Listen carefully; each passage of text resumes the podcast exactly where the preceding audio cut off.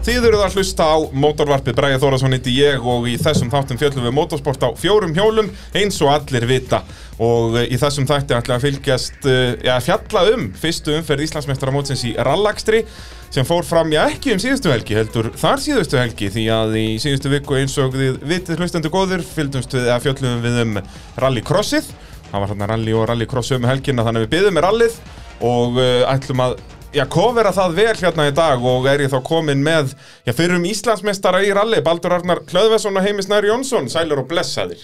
Blessar Eru þið ekki alveg hreint löðrandi léttir?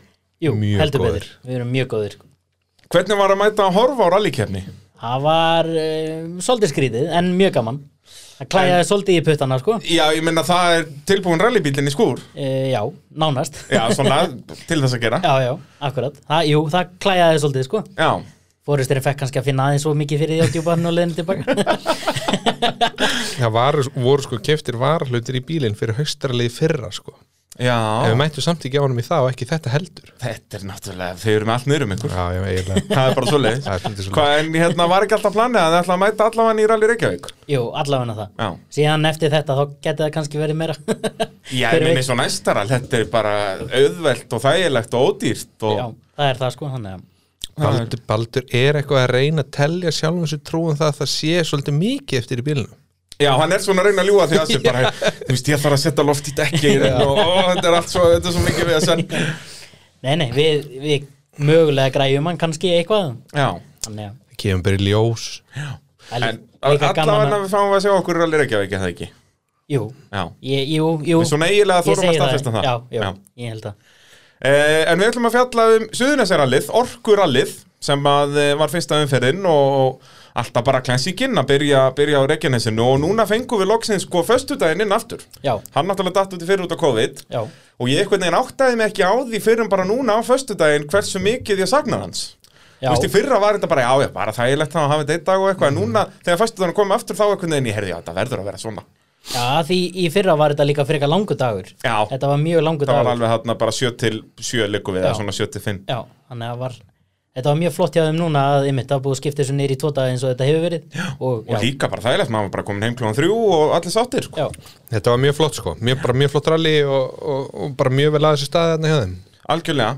Uh, Mótorvarpið að sjálfsögðu tekið upp í Nóa Sirius stúdíói podcastöðurinnar og uh, er í bóði bílapunktsins AB varahluta Ólís, bíljöfurs og tækjaflutninga Norðurlands.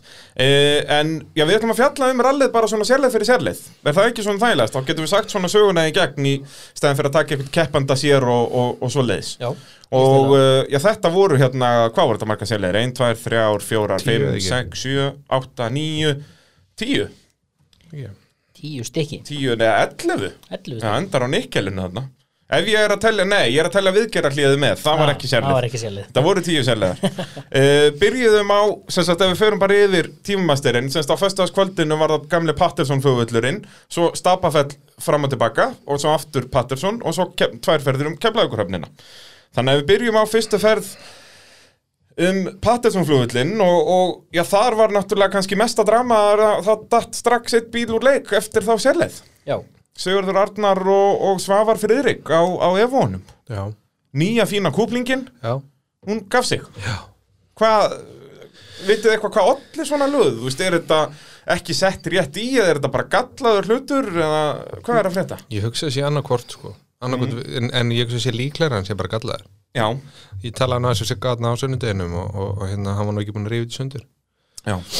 En það er eiginlega svona eina sem að Já, ef þetta feilar þarna á bara eftir 2-3 kilometra já, að- og klæni í kúpling og var, þetta- þetta var eitthvað svona keppniskúpling, hann náttúrulega komið með dogbox og allt í þetta að- þessi bíllir orðum bara mjög verklegur hjá honum Mhm. já, já, það er, það er svona allt komið í hann hann var komið með tjúnaða véli það ekki í fyrra, sett hann ekki eitthvað aðeins hann Jú. fekk, fekk vélatölu held ég í fyrra já, vél að tölvu, já, akkurat þannig að það er komið aðeins meira power Já, og, já. og svo Og dogbox síðan og, dagboxi, já þannig að hann er bara orðin í rauninni á sama leveli og, og flest allir aðrar hann já, já. þetta er náttúrulega gamli Evo 5 bílinni það ekki sem var bara smíðaður hérna árið 2000 eða eitthvað Já, já, þetta er bara gamlega bílinn sem var hjörlur sem var svo sem endur smíðar hérna Já, tíma var ekki skipt um skipti himmi ekki alveg um skilina þarna eftir að danni velta Jó, honum. ég held það Þannig að þetta er í raunin ekki sami bílinn Nei. og ekki sama veltibúr heldur þannig að Nei, þetta Hefur er, þessi bíl líka verið Íslandsmeistari hvað tvisvar þá eða?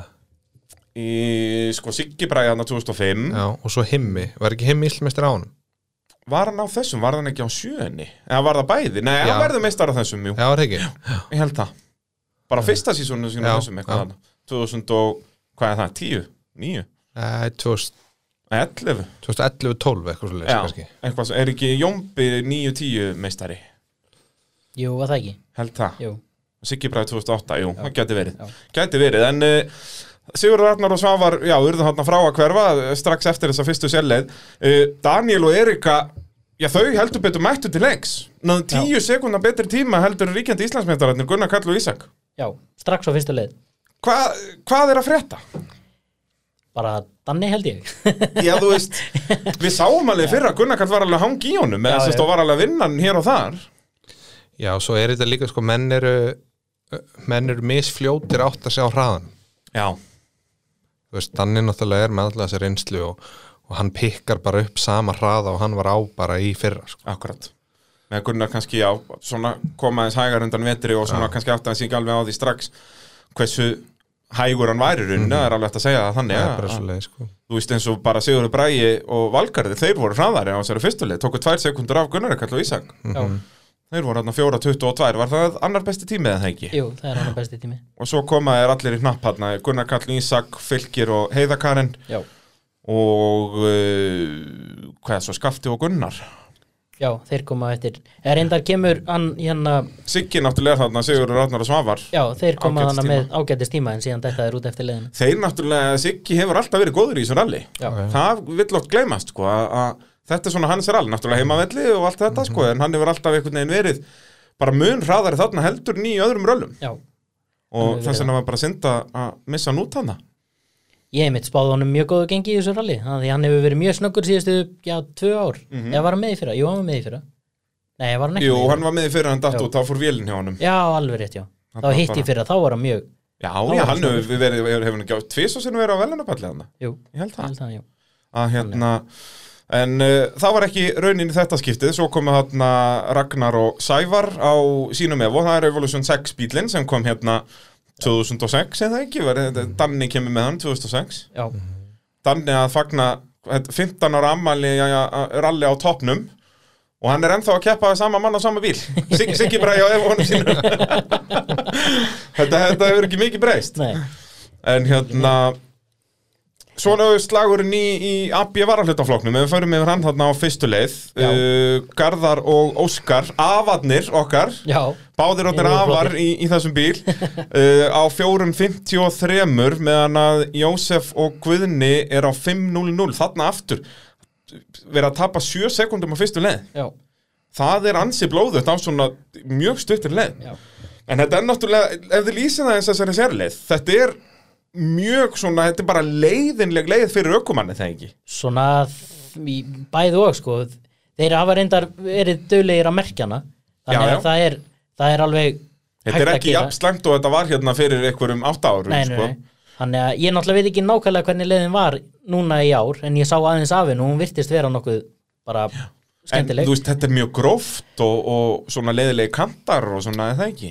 þetta er svona gróf já, svona, þetta er gróft malbygg gróf möl búinir að byrja í þetta og laga þetta ég heyrði nú ekki mikla sko, hann var miklu meiri í fyrra sem fó- strákarnir voru og, eða, já, og stelpunir voru hvert undaði Já. það virtist vera samt mikið að drullu á þessar leiða því bílan kom Algjörlega. alveg, alveg það var bara einhver augsýnilegir eitt út. pollur sem fór honni já, Já, það voru tveir já, ok. þarna, sem sagt, þar sem maður er alltaf hann í endan þegar koma svona vinstri Svona lúppu svíp út og fyrir. já, kemur Já, smá, já, já. þar sem jumpið var. já, já, já, já, var það þar Að að þar var bara stór drullupollur sem að, eins og það kom eilig óvart, ég var bara að horfa í stapafellinu og allir bílarnir komum brúnir til mín. já, já, akkurat Og en hérna, já, Jósef og, og Guðni uh, fyrir meistarar, að þeir, uh, eru henni með fjórða besta tíma á þessari leið ekki í flóknum já, er það ekki, þeir, uh, Almar og Halldór eru þarna á milli, þeir eru á 4.57. og Og Valdi svo- Ah. er með 4.54 Akkurat, næst besta tíma þarna sko Valdimar og, og Jökull, fæðgarnir Nei, Náttúrulega Valdimar shoutout- og Daniel, Og fyrirgefðu. Daniel Jökull, Já, segi ég já, Daniel að- Jökull, Að já. hérna, sjátátt náttúrulega á Daniel Jökull Yngsti rallukumæður Íslands Já. Og var hann ekki að taka það með af þér, Patti? Eða, Jú, hann er að taka eða það ekki, Ég tók hvað varst þú marga Þú varst 15 og við förum í það var bara vika, ja, tvær eitthvað svoleiðis nei það var ekki svo mikið jú, Er í, það? í sem kóari Já. en síðan var það En sem átt þú aukumæður þá, á þá ekki bara ég eða Maggi það með? Þú, ég veit að þú átt með þeim sem aukumæður. Já, já, já. Það þá varstu bara 17 og 30 daga eða eitthvað. við fórum í Rally Reykjavík þannig að 2009 þá var það bara sko, ég var ammæli 11 og þá var bara uh, 15. eða 20. eða eitthvað svoleiðis það ár. Ok, ok. Þá kannski, ég man ekki hvað ég var. Ég held að ég hefði bara verið 15 og 34 daga. sko, Þegar þú fórst sem kóari. Sem kóari. já, já. En Daniel er klárlega að að taka þetta með núna sko. Já, Hann- og þetta nú eru komin þessar nýju reglur að þú meir bara, þarf bara að vera á 15. aldurs ári, Mhm. þannig að hann er inn í 14 ára, sko. verður 15 bara í haust eitthvað tíma. var ótrúlega gaman að fylgjast með honum líka bara Þú veist, hann var viljur í að læra og, Algjörlega. og hérna, Þú náttúrulega varst aldrei að fara yfir þetta með honum, Já, eða já, ekki? já, já. hvernig, hvernig var það? það var bara mjög gaman Þú veist, ég er náttúrulega búin að þekki hann að strák síðan að fættist þannig að hérna, ég veit ekki hvort það sé gott eða slæmt sko, það sé ekki sé gaman eða gaman sko. þannig að hérna en jú, ég meina bara ótrúlega gaman og, og, og hérna, hann viljur í að læra og, og einbyttur og þeir bræðinni líka bara báðir sko, Akkúrat. þú veist, Adam yngri bróðar hans þú veist, þeir eru saman í þessu einhvern veginn og Hvað eru mörg ára á millir þeirra, veist maður? það eru, ég held, það eru tvö eða þrjú, ég held þessu tvö En þetta verður eðal kombo þegar að eldri verður farin að keira og þá káttu okkur yngri við, við já, já, já. kórasendinu. já, já, Það er hérna, ég þekki þessa sögu, já, já, þú þekkir þetta sem er reyndar hættulegt sko, það þú náttúrulega, þegar að aukumæðurinn er bara nýbyrjar, þá vill hann helst hafa reynslu, meir, reynslu mikinn kóra með sér. já, já, Annars endar þú á topnum og djúpa þetta. já, já. verða verða, verða, verða Bræðra rígurinn, sko, ég fer ekki að hlusta á þig hann að fá þetta. verða er ekki bara báðir aukumenn verða ekki bara valdið að gera og tvo þrjá bíla Ætli það ekki, það þetta endar svo leiðis. Og náttúrulega Daniel Jökull á fulli rallycrossinu líka, sko, það er verið að Já. nýta sér þetta allt. já, já, það verður bara, bara og líka bara eins og þessi úlingar í þessu sporti þú veist, endunýnun er að verða meiri Algjörlega, það er bara ný kynslu og algjörlega að taka við. þannig að hérna, þannig að það er bara frábært sko. og verður gaman bara að fylgjast með því sko. Heldur betur uh, Förum þá yfir í Stabafellið Það var uh, önnur sérleið uh, Þar eru Daniel og Erika á 4.55 uh, Gunnar Kall og Ísak 5.10 Tapa öðrum 15 sekundum handa Þarna er rallið þú veist, Það er auðvelt að segja það núna En þarna er það svo gott sem tapað Uh, já, þannig eru komnar 25 sekundur já, þannig Já, eru við skulum komnar samt, alveg. sko, það, eh, sko, ekkit endil eftir þessi, sko, þessi er allir ekki beint tapað. Nei, ég En það sem gerist síðan í framhaldi, Já. á næstulega eftir og síðan, þannig að sko, þannig að þarna hefði maður, þú veist, eftir þessa leið, hefði maður viljað sjá það með hotn og halla og, og allavega ekki að láta danna auka þetta fórskot eftir þessi leið á næstu leiðar. Sko. Nákvæmlega, það er ekki eins og þeir vita ekkert hvað er í gangi Nei, skilurðu. nei, nei, þeir eru alveg með þetta bóði, menn þeir vita þetta. og hérna ef við förum þá aftur aðeins yfir þessa sérlið stapafellsleðina, hvernig, hvernig er þessi sérlið? hún er bara mjög hröð þú veist, hámarksræði, þú veist, ég meina þú veist, hámarksræðan hérna, bí, bí, bílanir eru meira og minna bara í botni hérna oft, það eru þrengingar inn á henni fjóra, fimm þrengingar þeir eru ekki stapafells grefjunum, kerum í gegnum kert í gegnum þær Mm og hérna og hérna þannig að já, þannig að þannig að já, þannig að ég, þú veist, maður hefði þetta 15 sekund er svolítið mikið á þessari leið, sko Já, er ekki, ef og tíu bílum með meiri hámasrafi eitthvað er en ég er ekkert endilega viss um það, sko en Þú þú veist, veist, þetta af er því að- allavega ekki eitthvað leið sem að bílinn sem sagt, ef eitthvað er tíjan kannski bara betra þarna, eða þú veist, hún er allavega ekkert eitthvað verri Nei, alls þessi á ekki, sko. parið annað þessi Já. tveir sko En það sem að Skilur. líka er sko eins og maður veit bara sjálfur að þú veist eins og við eins og við baldur lendum í hérna ekkert að þá sko manni líður ekkit vel með bílinn í 6-7 snúningum nánast í útslætti Já, skilur í, í þú veist, tíu, við tólf og sekundur þetta fer ekki vel með bílinn þannig að, þannig að það er líka menn eru náttúrulega misgrimmir á það sko við baldur til dæmis töpum hellingarna sko að því við bara þú veist við bara vorum fyrir að snúa bílum í sjö snúninga og Já, já. heldum að bílum var að springa og allt að gerast sko þannig að við bara svona bökkuðum aðeins meðan að kannski danni er grimmari sko Já, Þú já, veist, og þú veist, ef maður bara pælir í því, ég meina Gunnarkall, það er miklu dýrara fyrir Gunnarkall að sprengja velhendunum fyrir Danna. Þú veist, ef maður horfir á það þannig. já, það er kannski ekki dýrar en það er kannski En munur á sem sagt, já, ég- Þú veist hvað ég menna Já, ég veit hvað ég meina. Já, ég- ég- Gunnar kallir hérna Já. rétt rúmlega tvítugur og Já, meðan já. Danni er einhver stórt fyrirtæki já, já, sko. það er, það er, það er akkurat máli sko. Já. og það er raunin það sem ég er að koma að sko. Akkurat Það er raunin þannig að sko, meðan að, þú veist hérna, við erum kannski að spá í sko, þú veist, herru slökum aðeins á, Já, þú veist, hlífum bílnum meðan að danni kannski ekki að gera það en samt er þetta of mikið, sko, ég er ekki mér mér finnst Gunni að tapa allt og mikið á já ég þessari sérlega meina skilja lett að tapa kannski 5, 6, 7, 8 sekundum á, já, Já.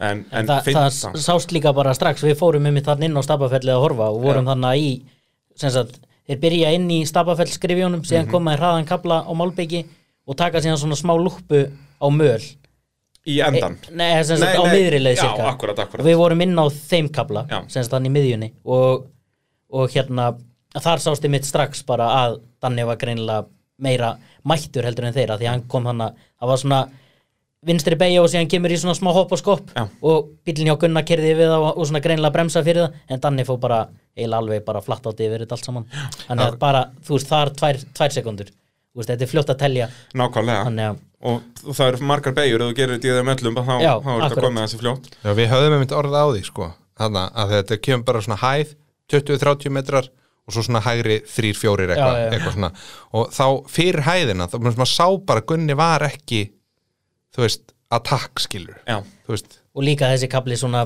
kannski í grófara lægi já, og já þetta svona er Gunni þá svona kannski og að- þröngur vegurinn aðeins en Já, já. svona og bara stór grítur já, sko akkurat, þannig Já. að og, og þú veist Gunnar kannski líka fipast aðeins fyrra á leiðinni sérst í grifjónum og þá fer hann aðeins sérst fer ekki réttu megin við keilu Já. og fer þá yfir svona hólahæðir sama og þeir hérna stukku svakalega á Daniel Viktor og Arnar Már já, Já. já, já, Að þú veist, já. þar, og þar tapar hann ábygglega þú veist, þremur sekundum ábygglega bara út af því að hann þurfti að bremsa svo svakalega annars að hann enda, endaði eins og Daniel og, og Árni, eða Arnar segja Já, já, já. þannig að þetta hljóminu ekki eins og við séum að tala um að Gunni að vera að kera hægt sko, hann var að kera hratt en málið er það bara, að við vitum að Gunni getur kert hraðar en hann var að gera algjörlega og, og maður var kannski alltaf að búast við því ok, að þá dettur í gang á djúpaðatnin og við fjöllum betur um það á eftir en þe- þessi sérleið sem sagt er svo leiðis að þeir byrja þarna í grifjónum keira hans í kringum einhverja hóla þar og í gegnum möl og svona, svo bara kemur langur beitt kabli, bara sérst á malbyggi og, og það er í rauninu bara beittn og breiður vegur,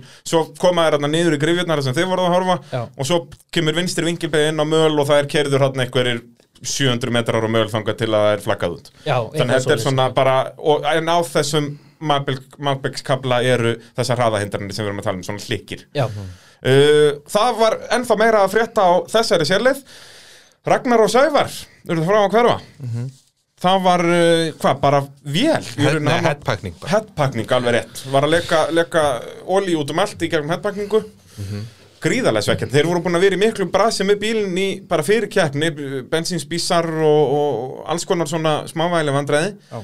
og svo fer headpackingan á annari selið já, sem er, sem er leðilegt að því þeir voru búin að leggja mikla vinnu í bílinni í vetur og hann var orðinn mjög, mjög flottur hjá þeim sko. Já. þannig að leðilegt að þetta út svona snemma með, með bilaða vél sko. og það er einmitt líka þar sko, þar er bara ég held að þessi vél sé búin að fyrir fjóra kemnir Já, það, já, Ég- Henning tók hann upp hann já, bara fyrir sitt síðasta tímubil basically já, orðið er náttúrulega eitthvað síðan en Já, já, en samt, já Bara skrítið og líka leiðilegt, þú veist, eins og Raggi M er Þú veist, ég mann þegar hann var að keppa hérna fyrir Hvað, það er nú alveg komið tíu ár síðan Og þú veist, á bæði pusjónum og jeppanum og eitthvað Hann var alltaf að koma sem bílum mikið hraðar en það átt að komast Já. Já, já. Að, þú veist, Þannig ég var all, er búin að vera mjög spenntur að sjá hann á turbo Og, og veru gaman að fylgjast með honum bara í sumar já, já En hann tók eitt rally fyrra einmitt svona, Mhm. Já, já. og- og var að kynnast, kynnast bílnum og svona koma sér í gang Tók uh, haustraliði fyrir á honum Já, og og, og kláraði það Þess vegna svona skrítið hann deftur út í fyrstu kefni núna En- bílinn bílinn flottur í hann líka Já, já, geggjaður, búið að mála hann rauðan aftur Já, já. Bara eins og þegar þú varst að keppa á honum já, Einar. já, maður fekk bara svona flashback sko. Já, það ekki, eina vitið vantaði bara silfurlítið að hana Já, vantaði, vantaði hérna rallyart lúkið á honum Já, já, já. Skaftist all því bara í staðin skaftist já, það hann kom með það á Hérna eins og ég segi, 15 sekundur hérna á milli Daniels og Gunnar Karls uh, Fylgir er á 5.13 tapar þarna 3 sekundum á Gunnar Karl uh, svo 5.14 eru skaftið og Gunnar bara að gera ágætismót þó er töpuðu kannski óþarlega miklum tíma þannig á finnstu leið uh, þar að segja skaftið og Gunnar uh, og hver kemur svo er það svo Sigurður Bragi og Valgarður já Sigurbræði og kemur Já. Og þarna, þetta er allt bara sekundstæða millir þeirra Það er Já, rauninni bara þannig bara- Daniel og Erika sem eru þarna bara á næsta leveli Já, Allir síðan hinnir eru kemur þarna bara um restin einum napp Já, uh, Í AB varalutafloknum Garðar og Óskar með uh, 5.35 er það ekki? Jú. og svo valdi og svo Valdi já, 48 Og það er nú bara þannig með Valda að alla leiðar sem hann kláraði Hann var alltaf í toppslagnum ef ekki með hraðasta tíma já, já. hann var bara var að keira náttúrulega bílinni fyrst skipti bílinn hans ekki tilbúin sem hann er búin að vera að smíða Já og að keira bara AB varalutaflokksbíl í fyrsta skiptið eða ekki Hann hefur aldrei verið á non-turbo já, hann hefur nú Jú, tók hann ekki eina keppni að ná appi sínu gullum þarna jú, jú, jú, einhver tíman. það er mjög langt síðan samt Já, það er 2013 eða ekki, bara Já. ég var að keppa við. já, já, já, ég man eftir, ég var einmitt líka þannig hann Já. hefði verið 12 eða 13 eða eitthvað já það eitthvað er svoleiðis. 13 af því þá varst þú Já, ég held að það sé 13, Já, þegar ég já, er já. komin á hvíta. já, Og hérna, en uh, Jósef og Guðni á 5, 51 þeirra tapa svakalugum tíma hann. Já, og Hvað, er, þetta eru 16 sekúndur. Ef að Já. re reikningurinn minn er réttur. Uh, Almar var komin í vandræðum í bílinn hann, það var, fór pústskinjar eða ekki, þannig að Jú, hann var bara jú, ekkert alveg aflíun. rétt, já. já, alveg rétt, hann komið mitt það sem hann fór fram hjá okkur mitt var að bara, Bara- kraftlaus og leiðilegur sko. Já, bara líku við þurfti að setja bara í þriðja gýra upp rekkurnar og bara, já, já, allt í, allt í steik og þarna náttúrulega, já, er farin að tapa 30 sekundum hann, þú veist, Já. Mm. þú vinnur það ekkit upp, sko. Þú veist, jú, jú, það er alveg hægt. já en, En- það, það, það þarf alltaf að ganga upp eftir það þá Já, og Og hérna. mér, það er það sem ég finnst svo magnaði þetta rall og þetta hefur verið svona í gegnum árin að sko tímamismurinn á fyrsta degi er yfirleitt meiri heldur en á setjum degi já, út að það- Þetta eru bara einhvern veginn þannig leiðar, þetta eru svona trikk í beigur og þröngt og erfitt og, og þar svona smá, já, hugrekki og svona til að keira þetta. En síðan er svo djúpaðatni, það hafa allir í íslensku ralli keirt það þrjó- 30 sinnum já, já, hann, þú veist, og það gerist einhvern veginn aldrei þar, þú veist, andan sem ég fór að pæli ég var með makka bróðir hann upp frá þú veist, hvenar var síðast stórt krass eða velta á djúpavatni var það ekki bara, þú veist, Jombi 2008 eða eitthvað eða 7, eða 2007 Hve- eins og bara velta, hvenar velta eitthvað á djúpavatni síðast rafin Rafinn. Rafin alveg rétt, jú, Má jú ekki gleyma og, og, og Rafinum. hlölli velti Tomcat, Tomkattinu já, hann já. og fleiri, jú, jú, ég er í ruglinu já, já. Þú ert sem í Fullur- ruglu ég er ruglinu. svolítið í ruglinu og síðan alveg það er meira en það er það já, ekki já, Það er örugl Vikar veltið þarna á stationinum já Ég er í tómitjóni, Já, já. það er alltaf eitthvað að gera þetta djúpa já, við mistum dekkaðan undan, það var nú ekki krass en, en hérna, Já, já, bara, já, já na, Það er alltaf eitthvað að gera Það er þarna. alltaf að gera, alltaf, til þess eru þið hérna, þið eru rallisefræðingarnir Ég er bara í ruglinu uh, Valdi og Daniel Jökull hérna í, með ágætis tíma samt, þú veist, Garðar og Óskar þeir eru greinilega bara Þeir voru mættir, heldur betur Ég hef- afarnir Sko, þeir voru bara mættir, þú veist, við erum að tala um hérna Það eru 15 sekundur á milli a- hérna, Danna og Gunna Já, Það eru 13 sekundur þátt á milli þeir eru bara þarna í, í, í sama klassa og Daniel og Erika í, sem sagt, Mættu bara mjög aggressífur inn í þetta aldur skiptir engum máli í þessu Nei. Nei, nei, nei, nei. Nú eru bara, þeir eru bara eins og rauðvind verður bara betri verður bara betri uh, þarna náttúrulega það voru þessari sérlega sem að Daniel, Viktor og Arnar Már lengtu í þessum hremmingum og tíminn sýnir það 6.35 Nú það sem gerðist hjá þeim er að, að þeir fara þarna sömu leið og Gunnarkall nema án þess að bremsa Já, og það hafi, ef maður er ferin á rally áhuga menn grúpuna á Facebook að þá eru myndir þar af þessu bílinn fer bara eitthvað metur upp í loftið Já. og lendir á öðrum stökkpalli og fer annan metur upp í loftið og bara rústaðast allt undir honum basically hann brýtur sem stemp bara turnana að aftan og held ég, sko Óskar hérna sem var að taka myndir af þessu fann allavega svakalega bensínlykt þarna eftir þannig að ætla að hafa ekki komið gata bensíntang líka og, og því miður náðu þeir ekkert að gera við hann þeir, reynda, þeir kláruðu daginn, bara lulluðu þetta og reynda að sjóða saman temperaturnan eitthvað og reyna að laga það þannig og það brotnaði strax á fyrstu selið á lögatarsmotni sko. já, svoleiðis þannig að þeir lulluðu þetta bara Já. það sem eftir var sko, og voru svona eigin úr leik ég, þú veist, hann gerði þetta sama í fyrra að sem sagt, kláraði rallið með enga afturfjörun þannig voru það bara demparatinn sjálfur held ég já, já, já, sem að gáfi sig ég skil ekki af hverju hann er að þessu sko. af hverju ekki, þú veist lærir hann eitthvað á að vera að lulla með nei er Mjög það lítið. nokkuð? Þú veist, En þarna náttúrulega verður hann að vera eitthvað óhaf þú veist, maður veit ekki ástæðinu fyrir fara vill sem eigin og af hverju þeir slá ekki af, maður veit það ekki alveg nei, nei, sko. þú veist, maður sér ekki að þetta sé hæðótt sko, þú Nei, sér nei. bara svarta möl já, Já. já. að, þannig að, þannig að þarna kannski mögulegt óhaf sko, en svona spurning hvað fjörun menn eru með og annað sko, ég, ég held að þetta hafi verið bodyið sko, sem brotnaði, þú veist, þetta var ekki ekki stempararnir sjálfur sem gáði sig sko. og það er náttúrulega vesen að komast aðeins og líka á þessum uh, setanbílum sko. Já, já. þessin er station keppnis að, já, auðvelt að gera við temperaturna aftan En síðan er, síðan er kannski spurning, þú veist með sérlega kilometra bara til að, já það er náttúrulega, Já, já. ef þú ert að lulla og þá kannski ert að læra minna inn á hvernig bílinn en þú veist aktar eins og gerir. nýr kóari kannski Já, líka það, Já. kannski að reyna að stilla sig saman eitthvað betur og alltaf mæta eitthvað meira þannig já, að já, það skiptir allt máli ég held þeir ætla að mæta meira ég mér skilst þeir ætla að mæta í allt nema aðralir ekki ekki allir Já, ok. það er eina vitið þannig að bara vonandi bara laga þeir þetta og, og, og keira Já, algjörlega Uh, svo var stabbafellið ekki tilbaka en áður en að við tölum um uh, þá sérlega verið nú að minna á það að uh, mótorvarpið er í bóði bíljöfurs Já, Batti, er það ekki? jú, það er rétt Hvað er svona frábært í bíljöfur? Af hverju erum við að vesla þar? Að Það er allir bestu bifulavirkjarnir eru þar Já, Og það er- við- það er allt, allt saman græjað og gert Það er nákvæmlega svo leis Þetta er náttúrulega fjölskyldufyrirtæki ykkar, uh, Baldur Já, Og, og hva, hvenær be- opnuðu þetta vestæði?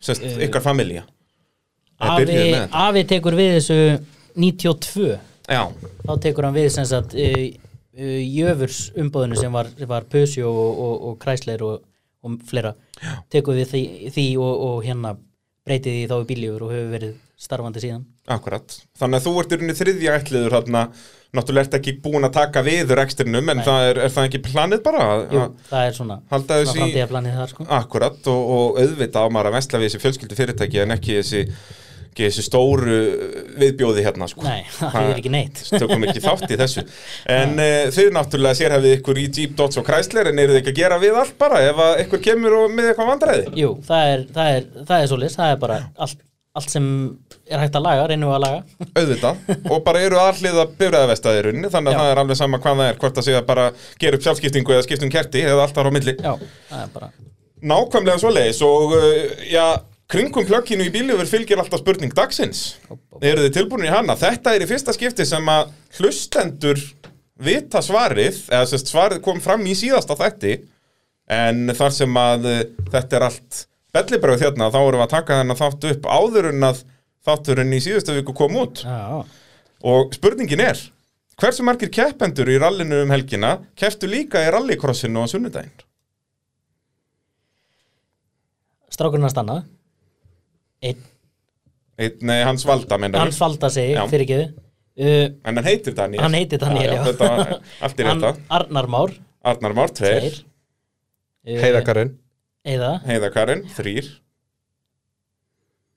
Ég þarf í rauninu bara töluna, sko ok, Ef þá hafa þögn bara í fimm minútur Já, það Já, hvað aldrei, þetta er ykkur ykkur fleiri í hug Ég ætla ekki að lengja þetta, þetta er bara árétt Þau Það voru ekki, þrjú þau voru þrjú, Já. já. Það er, það er nákvæmlega svo leiðis Voru þarna þrýr aðstofarökumenn sem að keftu í rallycrossinu líka á, á sunnudeginu Og náttúrulega líka fullt af servismönnum og eitthvað Þetta var löng helgi hjá flestum og svo aftur líka núna næst þá er rallycross sunnudin Já, já, það er, þetta, er, þetta er busy dæmi Það er bara Hún að Guðmundur Eliasson mætti þá líka í rallið Fyrst hann er svona að koma sér í bæinn Já. Hún að kaupa þennan dýrindi rallybíl og notar hann ekki Akkurat En hérna, það er svo sem líka kannski alveg nógu mikið vesen að keppa í torfæri og rallycrossi Já, þetta er kannski orðið svolítið mikið ef þú reynir að bæta ralli við þetta líka Hann þarf að fara að klóna kvikindið Já, Það er bara svo leiðis uh, Stabbafellið tilbaka, þá ræsa þeir Þá ræstu keflavíkur megin Eða semst Nei. Reykjavíkur megin já, já, Já, já, já, já, já, semst, já. Hjá, hjá Grindavíkur afleggjaranum já. Komum Eh, upp yfir kom upp yttir enda í grifjónum uh, og þar held þetta bara áfram Daniel Erika 4.53 Gunnar Karl og Ísak 5.05 12 sekundur hvað eh, og þetta er það sem heimir, þú varst að tala um þetta áðan að þetta var kannski ekki alveg búið þannig eftir fyrstu tvær en, en það kom aldrei neitt svar nei, sko að því að sko við vorum að tala um Garðar og Óskar aðan já, að þeir, að þessi Jósef að þeir eru tapað þannig 13 sekundum að þá mhm þeir bæta í og taka 5 af Óskari síðan tilbaka þannig þarna loksins fáum við svar frá þeim sko. eitthvað sem við fengum ekki frá Gunnar Karl og Ísak þannig hefði maður vilja sjá þá svona svona, já, aðeins átta sig á, þú veist eins og þú talar um áðan maður kannski átta sig ekki alveg á hraðanum eftir veturinn og allt þetta Mhm. þarna áttu þeir alveg að vera búin að átta sig á þau ok, heyrðu, við þurfum aðeins að eh, rífa okkur í gang á, já og þetta er náttúrulega líka hvernig rallið er hva- hvað reynsla gerir mikið í rallakstri að vita hversu hratt þú ert að keira Já, þetta sko, er þeir- ekki braut að þú ert ekki með bíl hliðina á þér. Þú veist ekkert, ekkert Nei, það er málið sko, ég hugsa að reynslan sé nú aldrei staðarinn við Ísaki og Ísaki er alveg, alveg vita þetta en svo er þetta nú bara þannig að m- menn eru mis, misörgir og óryggir og, og treysta bílum, ég menna við baldur lendum bara í því fyrra að við vorum óryggir oft með bílinn skilur, og, Já, þá, já. og þá er oft erfitt þó að maður, "Ó, grimmur, grimmur og þá bara þú veist, þá, Að Maður treystir honum ekki að þá hægist á þér bara já, þú veist og þá Þess að svona, þú finnir fyrir því, þannig séð sko. já, já, akkurat Að- þannig að þú veist, þú ert í fullu slæti og það er alltaf að gerast en bara bílinn er ekki alveg að virka og svo framvegis Já, svona er eitthvað svona, þú veist, er eitthvað sem er ekki eins og það að vera, eitthvað óöryggistilfinning, eitthvað sem menn eru kannski ekki endilega að tala um að veita ekki skilur. já, já, nákvæmlega þannig að, nákvæmlega. hérna, þannig að þetta eru náttúrulega í þessu sport okkar þá eru þetta samspil alveg þú veist, kóari, ökumar, bíl og allt Já, þetta, já. þetta þarf alltaf að spila saman manneskjur og maskinnur á- sérstaklega þegar við erum að tala um þennan hraða því við vitum það alveg að Danni var alveg að kæra hratt sko. Algjörlega. Uh, svo verðum við náttúrulega aðeins að ræða það að Daniel breytti bílum fyrir kemnistímubilið. Það er komið þessi sequential girkas í hann Mhm. já, og ég menna það hlýtur að auka hraðan. það gerir það alveg upp á Er það ekki? þekki jú, jú. Í rauninni- allavega úr því sem var í honum af því það var bara venjulegur svona RS Já, það var ekki einu sinni Evo-kassíón. dogbox í honum. Nei, þannig að þetta alveg alveg sparkaði honum upp um nokkur stig ég hugsa líka bremsunar Já, ég Já, hugsa það. sko. bremsunar reyndar sta- spili stærra hlutverk í uh, sem þetta bílum hær hraðar Býtu hvernig uh, breytti hann sett hann einhverjar keppnisbremsur í hann eða... Já, að, að framan samt Já. Bara, sko. og, og sérst var þá bara eitthvað orginal sportbílabremsur í honum bara voru svona bara orginal bara RS eða sem sagt bara, bara hann að ef að bremsur í honum sko já ok þannig að það er alveg búið að betur um bæta bílinn tölum verð á já, eina sem vantar er helvíti spoiler þetta er ógæðslegt á, já. Ég, held að, hann- ég held að hann sé búin að panta þetta allt saman núna Nú já, já, Ég held að. það er eins gott Daniel Þetta er alveg agalegt að horfa á bílinn með svona hennar baby 13 spoiler með, með 1300 hérna Já, landsinsbólur þetta er alveg agalegt sko, meira sem ég í rallycrossinu bætti úr þessu á mínum landsir Já, já. Þó hann var ennþá bara 1300 en Já, hann var geðtöf uh, Þú sér þannig að eftir stapafelli bara ef maður fyrir hildartímana bara eftir sem sagt þrjárleðir í rallinu Já, að þá er Danni kom með 37 sekundur og Gunnar Já. eftir þrjár se- eftir þrjár leiðir. stuttar sérleiðir og síðan koma þér svolítið í, í hnappana eftir sko Siggi Bræði er 14 og eftir Gunnari og síðan kemur skafti á nýjum bíl einni sekundu eftir, eftir Akkurat, Sigga þannig að, er alveg í þessum slag já, þannig að Uh, og náttúrulega Fylkir var búin að vera í þessum slag á fyrstu tveimurleðunum en hann náttúrulega lendir í afföllum hann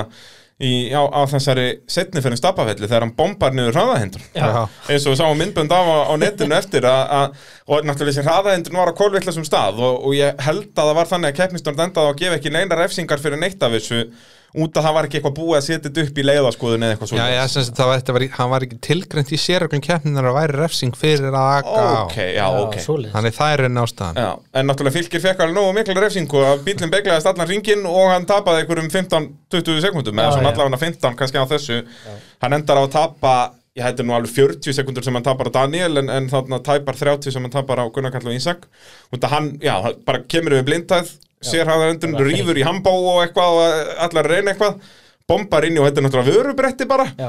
það er dásamlegt þess að bara eiginlega svolítið heppin að það fór bara ekki verð Já. að hann færi þetta þannig framan á bílinn og, og hérna jú, Já, en brýtur- svona framan á hotnið og svo alla hliðina sko, ef hann hefði Já. bombað bara beint framan á þetta Já. þá hefði alveg getað farið í vaskassi og undirkúler og eitthvað Já, skemmtilegt ég held sko. að það, er einmitt, ég held að það sé, sé rétt sko. og hann náttúrulega líka ef hann hafði reynd eitthvað frekar að reyna að ná þessu ef hann hafði endað, þú veist, fyrir neðan út að þetta er malbyggsvegur sem er semst upphækkaður eða þannig, já, já, já, já. ef hann hafði farið út af á hlið og mögulinn hafði gripið, hann, þú veist, hann hafði kútolti sex veltur já. á þessum hraða sjö Sjö, Sjö, jafnveg, sjö og halva, ég held að hann hafði enda á toppnum Við erum sérfræðingar í þessu, sjáðu þetta til en Danni kerði á þessu sem þrengingu sko Já, ég, þetta var Já, alveg ég veit. aðeinlegt, ég var hérna fyrir ofan, ég heyrði þetta allt en ég náðu þess ekki á mynd En Danni bombaði það, sást líka alveg vel á hotninu á, á Danna, sko já, já. að, hérna, En hann sérst þurfti ekki að bakka inn eitt svo leiðis Hann í rauninu bara græti á þessu að fara vel hratt hann í gegn Á, já.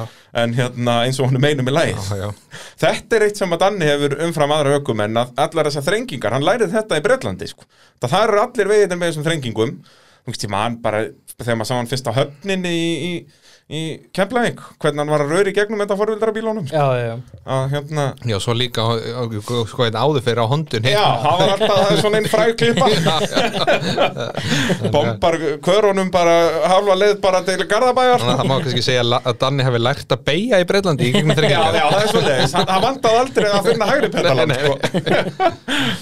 uh, eins og ég segja, fylgir og heiðakarinn lenda þarna í vandræðum uh, og svo var þetta þarna, já, þeir eru bara allir, allir í röð þarna, Jósef nær aðeins að svara í slagnum við Ga- Garðar Já. uh, Almar ennþá náttúrulega svakalega hægur með þessa bilun ennþá Daniel og Arnar Már í raunin ekki lengur í keppna, þeir eru 8 mínútur meðan aðrir eru í kringum 6 og svo náttúrulega verðum við að tala um Valdimar og Daniel Jökul því að þarna verða þeir frá að hverfa þarna hætta þeir eftir, eftir þessa leið já.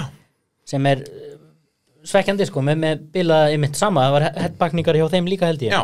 sem fóru og hérna, vitið þess að stendu við þeir á að skipta bara alveg um mótor eða bara headbangingandar Bara Nóttina. headbandingar það slapp alveg, Eða þeir hefði ekki mátt skipta bara um mótur já auðvitað já þetta, þetta var superalli, Mhm. það er rétt þeir voru í, í keppni Þannig að, þannig, að, hérna, þannig að mér skilst að þeir hafa bara, eða já, eða þú veist, þeir skiptu bara um headbandingar og hérna bara frábært að ná síðan að koma aftur inn í keppnin út að það er náttúrulega superrally reglunum að það, það er bannað að skipta um mótorun komplett, bara eins og í uh, röllum erlendis uh, þá var bara komið að kepla ykkur höfninni og það er kannski meira bara svona upp á sjóið en uh, Danni held að sjálfsögðu áfram að ná bestu tímunum var náði þremur sekundum í fyrirferðinni og svo öðrum þremur í setni gegn Gunnar Karl og Ísak Uh, fylgir ólsegur í fyrirferðinni er þannig á sama tíma og Gunnar Karl og Ísak Já. uh, reyndi svo aðeins og mikið í setni já, fór á fræga kantinn sem að Hjörtur og Ísak fór á hérna máli manni já, og bara með verri,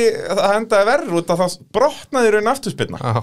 og hann, ég held að hann hafi ekki átt sig á því ég held að hann haldið að vera bara sprungið Já, ég, ég held það Já. að hérna, að því mér leist ekkit á þetta þegar hann, sko, þú veist, þegar hann fer upp og niður aftur og, Já. og ég bara bjóst við hann myndi hann gaf bara í og já, maður já bara þetta maður bjóst við þetta með endis og sigur hann hérna um árið bombaði á kantinn hann aðeins að gleyma sér já, já. en hérna en, en það brotna sér spilna þannig að hann í fyrstu þrengingunni fer hann út og þarf að bakka og hann tapar hann 16 sekundum viðbútt þannig að hann er kominn talsvægt landa á eftir þarna eftir þess að þrengingar voru að vefast fyrir honum og ykkur kantar á miðjum sérleðum og Já, eitthvað, já. hver er að gera svona lag? ég segi það En þetta er náttúrulega, sko, Keflavík er náttúrulega bara svona Mónaco Íslands. Það var, það var eðal snekkja þarna fyrir utan sem er- er endar á, á starfi meðal gámaskip og, og síðan fullt af fólki út á svölum að horfa á kappakstur. Þetta bara, þetta getur ekki klikað. bara svipað Þetta er bara svipað. Uh, þannig að já, lítið annað að frétta af höfninni. Gaman að sjá hérna Rúnar mæta á eskortinu. já, já, Vera með smá sjó. já, já. Það, og þeir líka er oft hann í Keflavík að koma einhverju driftbílar og eitthvað svona líf og fjör. Já. En menn þurfa að passa sig á því þegar menn er að sína sig að far, við fari, fari ekki með það út í umferðina Já, nákvæmlega, nákvæmlega. Uh, það var bara viðgerra hliða og, og uh, þannig um kvöldin náttúrulega leit þetta bara svakalega vel út fyrir Daniel og, og Eriku í, í slagnum hann á topnum sem leiðis uh, Garðar og Óskar í, í, í slagnum í AB varalutaflokknum þó að fórskvöldi þeirra var nú þarna, hvað voru þetta, 19 sekundur Það er- eftir daginn 20 sekundur í, í Jósef og Guðna og náttúrulega Eftir Almar, föstudaginn. Almar lendir í þessum vandræðum þarna, hvað var hann orðin langt á eftir? hann er þá orðin 34 á eftir þeim já. nei, sem er, já, það, nei að því skafti lendir í Vesin og Pattison leiðinni þarna Herðu, já, við glemdum að tala um það já, á Pattison eftir sem sagt stapafell lögugerði leiðina þá, þá dettur skiptibarki og sambandi hjá skafta já. þar inn á en þeir ná að fara út úr bílnum og ná að setja ný einhver Bara dýr- þeir reka hann í gýrurinn Já. Þeir ná ekki að tengja skiptibarkan aftur Heldur bara bombunum í, bara þriðja gýrið eða eitthvað Já, já, já. Og, þeir ná að klára leiðina þannig já, Já, og leirinu líka, líka bara hrós og Gunna þar Gunni bætir hans í þar Sér að við hann er Gunnar Kall og já, Ísak já, það, á þeirri patsjónlegi þá eru þeir fjóra átján á móti Fjóra tólf já, tapa sex, en þeir bæta sig um Um alveg helling, sex sekundur Já. En það ekki, já þannig að Bætir þeir, sem þannig, sex. að- þannig, að- þannig, að- þannig að þeir hafa þarna aðeins Aðeins bætti, A- aðeins bætt í. Danni bætti sér bara um tvær, það er rétt sko, það, þarna vöknuðu þeir aðeins að það er, samt eru þeir ennþá að tapa tíma sko. Já, já, sem er alveg magna þannig að þetta leikt allt ágætlu út þegar að uh, já, lögatagurum eh, byrjaði fyrir uh, Daniel og Eriku og þannig er náttúrulega Sigurður Bræi og Valgarður í, í þriðja já, segir Valgarður og fór að hann í fyrsta skipti með, með Sigga Braga Mhm. já, hann náttúrulega var uh, með Halldóru Vilberg í fyrra og hitti fyrra eða fyrra og fyrir tveimur árum, hvernig var þetta? Nei, Hann er- fyrra. Já, Og í á og hitt fyrra, Já, já. það ekki, hann var með honum að neitt ári Byrjaði, í já, Nónturbó og, og bara gaman að sjá hann halda áfram þá að Halldór Vilberg sé ekki með það nei, nei, eh, hann, að hann fari í annan bíl bara og halda áfram, það er bara mjög flott Nákvæmlega, nákvæmlega og uh, í áðurinn fyrir að tala um lögadagina þá langar mér nú aðeins að tala um uh, AP varahluti, dásamlegt fyrirtæki og, og já, eins og við við höfum heyrt í, í þessum þætti að þá heitir eitt flokkurinn eftir þeim, það er AP varahluta flokkurinn sem sagt þessi non-turbo flokkur eða svona byrjandaflokkurinn að það eru alltaf uh, já, verðlaun frá AB varahlutum fyrir sigurvegarana og Íslandsmeistarana í þeim uh, flokki og uh, já, eins og þið viti hlustendu góðir þetta er náttúrulega dásamlegt fyrirtæki sem er að styrkja Íslands motorsporti í bak og fyrir og uh, eru með já, frábæra varahluti og aukarhluti og málingavörur og verkfæri og ég veit ekki hvað og hvað box og verkfærin hjá þeim uh, alveg dásamlegt heilu verkfæra stæðurnar og, og ég veit ekki hvað og hvað uh, og þá langar mér að spyrja ykkur um hápunkt og lágpunkt kemnar Hver er svona, já hvað myndum við vilja byrja á?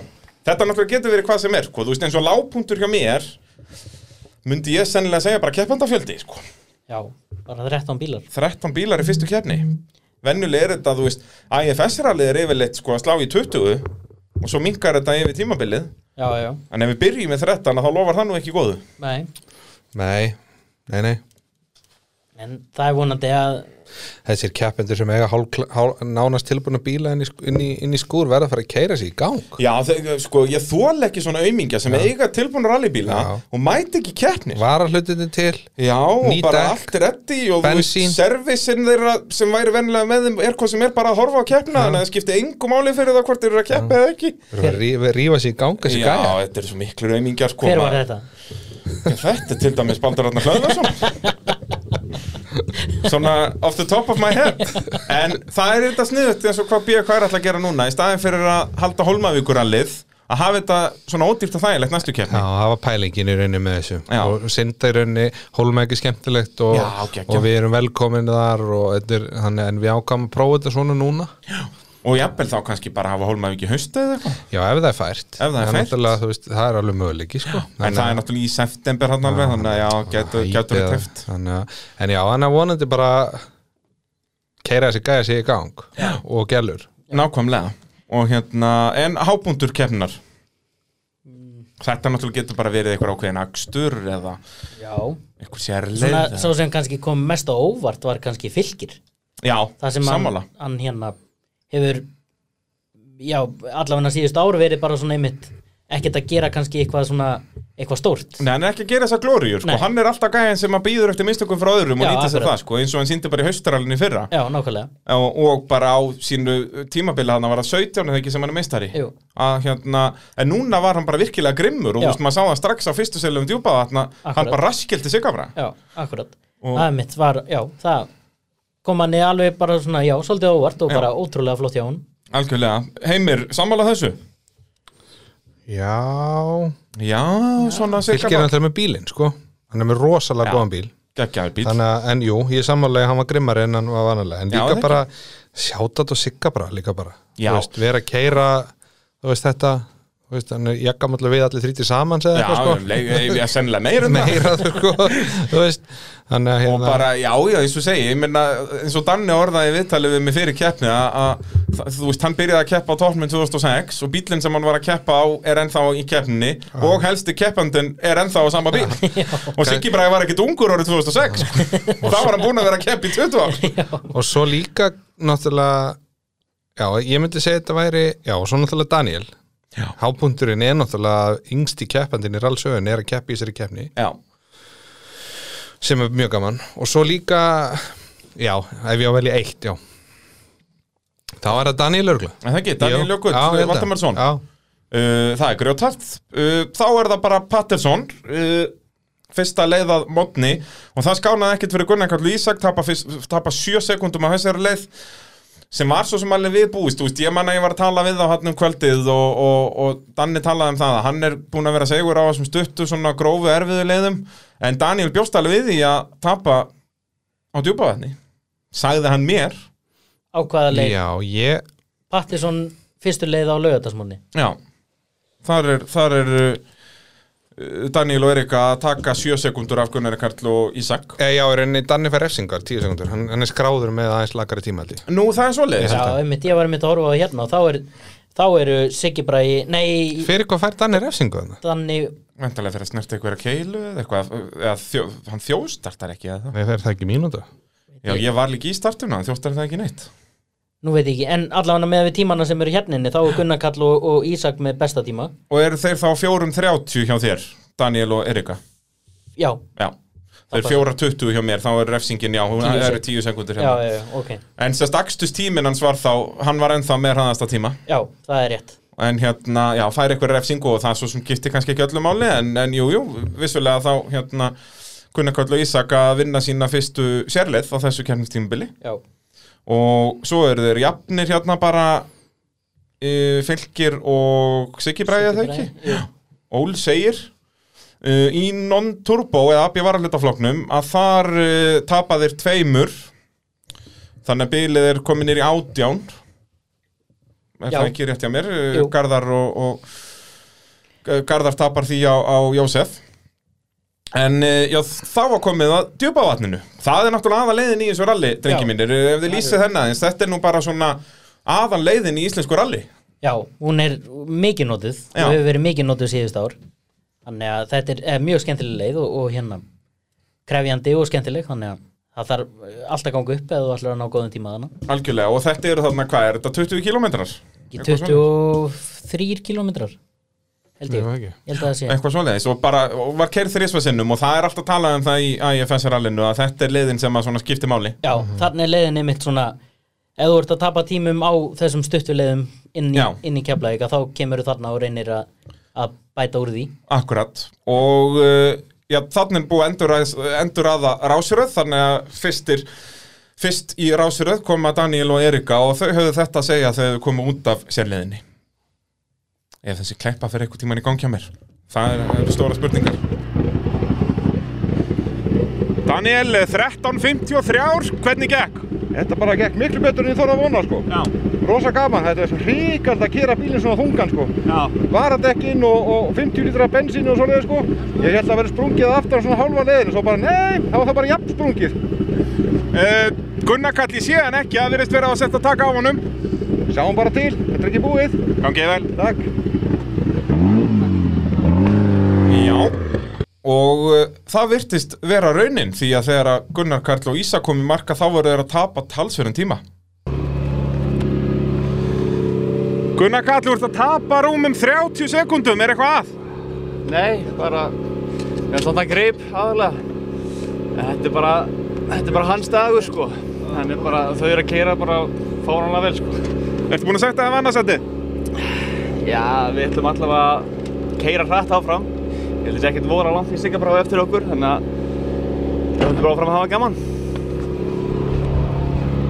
Ætlu að halda áfram að hafa gaman Ég veit nú ekki hversu mikið gaman Gunnar Karl þykir að vera í öðru sætti Nei, ég, Nei, en það- samt sko, samt bara flott í Gunna Hann segir bara þarna, þetta er bara dagurinn að stanna Já. Hann er bara búin átt að segja þarna að- að að hann er ekki í mótjónu sínu Já, já, og þarna er Og- náttúrulega líka bilið komið í bara mínútu Já. Já. pluss Þannig að, og, og menn náttúrulega þurfa að passa sig að missa ekki einbytting og tapa þá öðru setinu Og eins og hann talaði líka um bara, þú sikki bara að þeir voru ennþá hann í humat og eftir þannig að, þannig að bara, já, bara mér finnst þetta bara flott viðtal við Gunna að þú veist þarna bara áttar hans á stöðunni og að því að þetta er það mikill hraði sko, þeir eru, þó við séum að tala um það að við viljum að þeir fari hraðar til að vera nálægt annað þá er þetta samt ennþá mjög mikill hraði á Gunna og Ísak Mhm. Já, og við sjáum það líka bara, Bara- hvað þeir eru langt á undan þannig hinum hinum sko. Já, já, en þannig það er að við bara erum danni sem er hannar til Ég er að segja, þetta er kannski, og við vitum alveg að Gunni og Ísak geta verið þarna þannig að við erum kannski frekar svona að meina þannig bara fyrir næstu keppni, sko, bara Gunni og Ísak bara mætiði með hotn og hala og Já, já. kaldadal og, og, og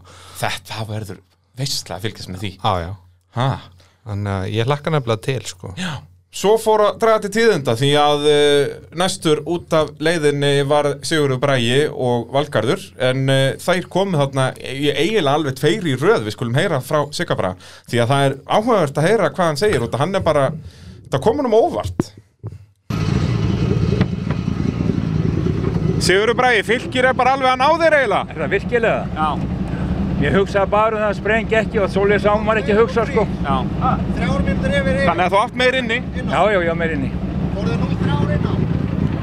Og þetta var raunin, Fylkir kom þarna bara, ég held að hann hafði tekun ekki rúmar 40 á honum Um, Þú veist, þetta, ég held að þetta voru bara einhverja 15 sekundur á millið þeirra eða, þú veist, náttúrulega bílar ræsa mínútu milli billi hann tek, fylgir tekur 46 sekundur af sigur Akkurat, það kemur 14 sekundum á eftir honum í marki rauninni Já, og, og þetta er það sem vorum að tala um áðan, að Fylkir bara Ég mættum alveg grind í já, heldur þessa, betur í þessa keppni, en þú veist eins og ef við börum þann tíma saman við Gunnarkall, hvernig, hvernig lítur það? út? Átján og eftir Gunnari fylgir Já, ég sem segi er bara mjög flott Er það ekki? mjög flottu tími sko hérna, og, og hann hafði þetta að segja eftir sérleðina Já, þetta er góðu tími, ertu að ná Sigga Braga bara? Já, ég var alveg náðunum að þá Var þetta alveg fullferð eða áttu meir inni? Þetta var svona, svo til fullferð Ok, vel á eftir Takk fyrir það Og þarna eh, er hann ekki bara komin upp í þriðasætta þarna, eða var það að gerist það á næstu lið? ég, Jú, ég held hann hafi komist fram fyrir hann þarna eftir þessa leið sko Akkurat Jú, hann gerir það uh, Svo fleiri tíðindi, því þarna í raunin næst á eftir vantaði tvo bíla það næstur átt að vera Sigvaldi og Ásta og ég við höfum nú ekki talað um þau í þessari keppni Sigvaldi náttúrulega mætir þarna til leiks á bíl sem hann hefur ekki keppt á áður Nei, Subaruin sem að eh, já, Daniel, eh, Gunnar Karl og, og síðan núna síðast Skafti voru að keppa á svona eldri, eldra body að Subaru en með flottu krami í og uh, var að gera svona alveg ágætis móta fyrsta degi, það var nú alveg vitað að hann væri ekkert að fara í slægin um fyrsta setið á þessum bíl en hérna bara standa sig ágætlega með Ástu náttúrulega með sér, Ásta reynslubolti byrjaði að keppa þarna 2006 með, með Daniel uh, en þau eru frá að hverja þarna, með hvað gerðist? brotnaði hjólnaf Já, já, það var ekki þess að spilna að það heldur bara það sem spilnan festist í í rauninni. Já, það sem demparinn festist í að frá Mm. já, ok. brotnaði þar bara við það sem demparinn festist í hjólnaði Og var það bara, gerðist það bara eða fór hann upp í kant eða eitthvað, vitið þið það? Nú, nei, ég veit ekki hvernig það var ég held allavega að hann, það er bara brotna sko. Já, svo leiðis, voruð Ég þið bara sagði- gamalt og þreytt. að við höfum séð eins og í bílunum hjá okkur bara við skoðum þetta fyrir hverja keppni af því það myndast sprungur þannig í. Já, þetta er og náttúrulega þetta fyrsta er bara stift stykki í rauninni, já. og tekur náttúrulega við fl- höggunum þannig frá uh, dempara og öllu því sko þannig að það þarf að skoða þetta vel Já, sérstaklega náttúrulega í þessum rallybílum þegar að þú ert búin að setja sterkari dempara heldur en eru orginal. Já. Og það, þú veist, Japanarnir sem að hannaði þetta, þeir hannaði með það í sjónamið ef ekki með stórt högga þá bognar demparinn, Já. en ekki, hjólnæfi brotnar ekki. Akkúrat. Þannig að þetta er akkurat einn af þessum hlutum sem maður þarf að huga á.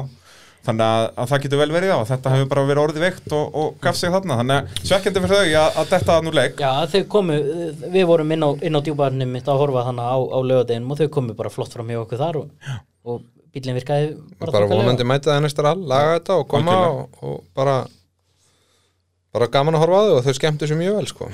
Sigvaldi náttúrulega, hann var byrjaður að gera eh, Evolution 8 bílinn sem að skafti er á tilbúin er það ekki, svo kaupir skafti hann af honum er það já, ekki já, já. eða af Danna eða svona eitthvað 50-50 í dæmið þarna og Já, skipta þá Sigvaldi var bara Subarunum búinn að fyrir. kaupa. Já, Sigvaldi var búin að kaupa Já, og, og svo- fær hann þá þennan í skiptum með eitthvað, hann hlýtur að Já, vera. já, já.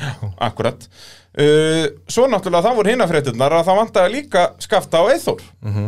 Gunnar. Þarna á milli, já, ska, Gunnar Eithorsson segja Já, já, já. að hérna en við fáum að vita hvað gerist fyrir hann eftir smá því að, eh, já, næsti bíl, já, það kom bara afarnir, okkar, okkar menn Garðar og uh, Óskar og þeir höfðu þetta að segja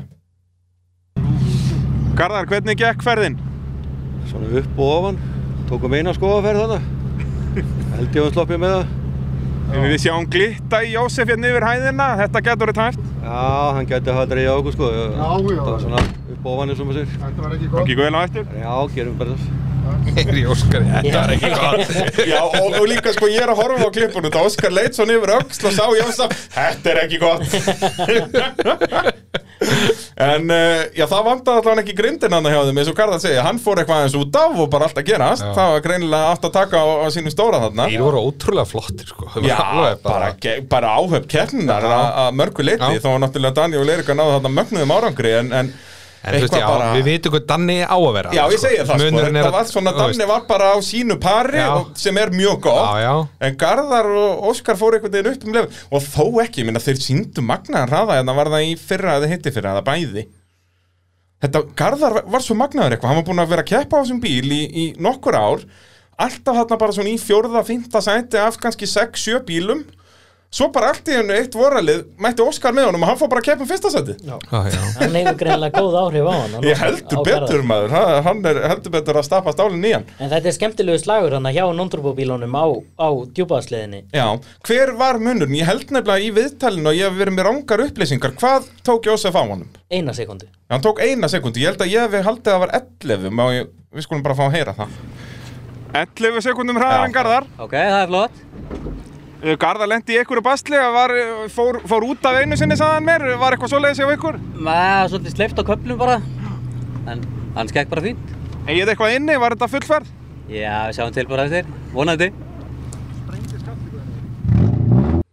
Uh, og þarna náttúrulega talar Jósef um hvað var sleift og það var alveg raunin, ökuminn voru mikið að tala um þetta. Já, við vorum mikið að tala um það, mikið að pollum og, og einmitt búið að, það er búið að laga það svolítið frá djúbaðatni síðan frá því í fyrra Og Já, það búið var að- náttúrulega út að það var náttúrulega stór tjónaðist í öllum þessum jarðskjaldum. Já, já, Mhm. það já, bæði líka komur fram á það. risastór grjóta veginn og bara mynduðu sprungur og þetta var allt farið fjandast til Já, já, Eh, Það sem þeir hafa sett í veginn var kannski svolítið laust efni og síðan var náttúrulega búið að vera mikið að rigningu fyrir alveg og búið að þetta var- hefla veginn eða ekki, Já. þetta var svolítið mikið bara að vera að kera hún á kokopepsi Já, Samt ekki sko Ekki? Þetta var- Nei, nei, þú veist, það var alveg Það var- var nokkrum köp- Það var nokkrir nokkur staðir köplum kannski, að já. sko Já, já. Djúpaðni var alls ekki slæmt sko Nei, alls ekki, það Alls voru mjög ekki, sko. góð, góðar aðstæður en, en á köflum svolítið Sleipt. sleift Já, já. og náttúrulega er rigningin ekki til að hjálpa með það Nei, nei Þannig að- að að Jósef var vissulega Já, að byrjaður að gera smá árás, tekur þú bara þarna eina sekund af þó að Garðar hafa að fara út af Vitum náttúrulega ekkert hvar eða hvernig hann fór út af Nei, það verðist ekki hafa verið eitthvað, eitthvað mikið Nei, það þurfti ekki að bakka en eitt Nei, gerir á nei. fyrir sko uh, Svo loksins komu Skafti og Gunnar og við skulum fá að heyra hvað gerist á þeim Hvað er að? Það sprakk dekk hægra minna framann. Og þurftu að skipta? Já. Uh, var þetta bara grjóta af veginum eða gerði þú mistök? Ég fór aðeins í kantinn og það voru tvö stór grjót akkurat í kantinum. Þannig að svona bæði og bara. Gengur betur næst? Takk að fyrir. Já, vill ekki alveg segja að þetta vera alveg honum að kenna, Nei, svona nei. bæði og En jú, svona örlítið mistök að fara upp í kantinn og, og bara, maður er hann, hvort heppin á heppin ef maður fer út í kanta, það var heppnum var ekki með honum hann, það tóku tvö grjót við og, og þeir þurftu að náttúrulega stoppa og skipta og það var alveg, þú veist, Gunnar Eith og svar þarna bara orðin brútt frá toppi til táar, sko Já, ég sá þann að vídeo frá þér, var hann ekki að dusta af tímakortinu? Eða Ég hann að- ekki dusta, hann var Það var bara myndað. Já, þú veist, þetta, þetta myndi mig á atriðið úr, úr Titanic þegar þau eru búin að ná í hérna safeboxið og hann er að fara í hérna höndina inn í það hérna og tekur bara svona upp einhverja drullu sem voru einu sinni pappýrar Þetta var þannig stemming með tímabókina hjá Gunnari Já, eða það Sko, Þetta, ég skil ekki, út að ég veit ekki hvernig reglunar eru með þetta en þeir eru auglastlega að fenga að halda áfram en þú veist, Egillandri sem var í tímastöðuna hann gat ekki skrifaði bókin út að þetta var bara drullukökkull þú veist, út að hann hefur mist þetta úr vasanum eða úr hurðinni eða eitthvað, hendis inn í bíl og þetta var undir sætinu þegar þeir komu í mark sko. Já, já. Þannig að þetta eins og ég segi, það var vonlust að skrifa þetta, ég held að þeir hafa bara fengið nýja tímabóku eða eitthvað. Þú veist, út að reglunar eru að þú týnir tímabókinu, þá ertu dottir nú leng. Ég veit ekki heimir, veist þú, er eitthvað, veist, það er vantarlega ekki eitthvað Sko, hann, reglur um hann var þetta. sannarlega með tímanbókin en það Já, ég spurði ekki segi hvað það. ástandun hafi verið Já, þú veist, er reglan þannig, ef það er ekki hægt að skrifa í hann ertu dottir nú, þú veist, ég held að þeir hafa bara rettað þessu einhvern veginn, þau- Já. reynda að þerra hann einhvern veginn. Já, ég hugsa það nú ég, menn, ha- menn hafa nú ferranótur og Já, alls nákvæmlega, konar, þetta ætli- maður hefur séð þetta í alls konar um ásinkomulegi. Ætlir hafi ekki bara gert það sko En ef þeir eru tíntinni þá er þeir dotturleik sko Algjörlega, algjörlega, en uh, það var ekki, ekki raunin, það var, hún var þarna vissulega en var Já, bara já.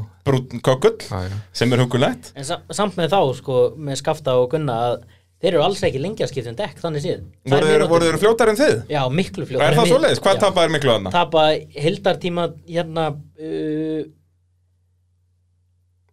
ja, Þetta eru samt alveg fimm mínútur Já, hvað þið töpuðu bara fjórum með það? ekki? Við? Nei. Nei, meira Miklu Málega meira. það náttúrulega þó við séum hérna og segja hitt og þetta og þykjast vera einhverju svaka Já, sérfræðingar já. að þá er nú það sem gerist inn í bílnum sko Vi, Já. Við náttúrulega í, svo í fyrra þá náttúrulega sko voru við, við vissum að vera sprungið Já. samt var Baldur að diskutera hvort að vera sprungið þegar bílum var stopp og ég fór út úr bílnum til Já. að segja þú, þú veist þannig að Þið eru ekki meiri seffræðingar en Nei, þetta? blessaðu, við, við erum alveg í ruglun oft stundum sko Já, þetta er líka bjútið yfir allið, sko, að maður, maður verður svolítið keks og rugglegar undir þessum kringumstæðin, sko, Já, þegar Ah, já. pre pressa gerir ótrúlegustu hluti, sko. Já, já, það er nefnilega, og líka bara, þú veist, ég menna, þú veist, við vorum bara, Við vorum í ruglinu bara, Við- alveg En hvað tapiðu miklum tíma? Töpuðu hvað, sex mínútum með?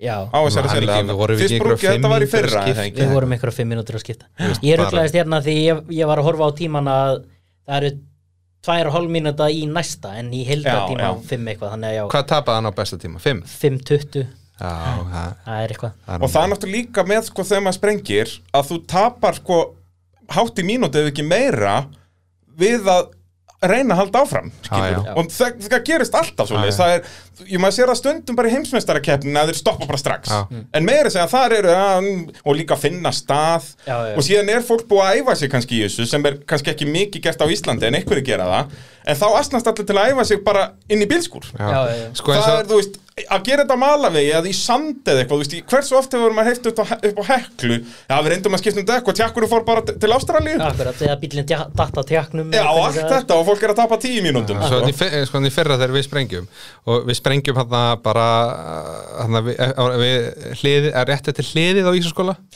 og, og ég segi strax við Baldur, skiptum að gatnamótunum. að því ég var að vonast til þess að allt þetta fólk sem væri að horfa á Já. kæmin og myndi kannski hjálpa okkur eitthvað Og væri vonandi með skrúpis í rassasamnum og svona Herri, herri, en svo bara koma til að taka vídeo á okkur baldri Já, við þetta Við fengum fullt af vídjóum eftir Já, alveg en enga hjálp. Já, já, við voru einhverjir tveir þrý sem Já. komið hann að hlupa og hjálpið hann en, en sko talandi um að skipta um dekk hef ég sagt ykkur söguna þegar ég skipti mitt fyrsta dekk í rally Nei, býttu, segðu okkur það Já, það var þannig að þá var ég kepp með Átna Jóns árið 2004 Ára Á var tvinga bara kórólunni Á kórólunni. Akkurat og við sprengjum á heklunni og Átni sér, já heimir Heyrðu alveg rétt heimir það er sprungið vinstra meginu framann og ég, alveg, já, já, alveg peppaði með hann takk þú, Þarna krossin bara hvað ertu, hvað ertu ekki bara 15-16 ára? Nei, nei, ég er nú, hvað, sagði ég, 20, ég er 19 hana Já, ok og hérna og hérna, ég hleyp út f- ræðst á hægra framdekk og bara byrja að losa, og búin að losa tvær ræðir þá hallar átni sér svona aðeins yfir skotti á tunganum mjög rólegur, heimi minn það er sprungið hinu megin en það er þú eiginlega varst enn fynd- peppaður. Já, en það er eiginlega sem er enn meira fyndið við þetta er að tveimur árum áður þá var átni að keppa með Dóra bróðir nákvæmlega sama, nákvæmlega sama dekk þú veist, brungið vinstra meina framann en Dóri fór út og Það skipti um skipti að hæra Þannig já, að- býttu, já, það var það sem ég var að muna og þá eru þeir í Íslandsmeistarast Já, já, þannig alveg að rétt. bara, þú veist, ef það er ykkur aukumenn sem er eftir að keppa með mér og Dóra bróðir Já.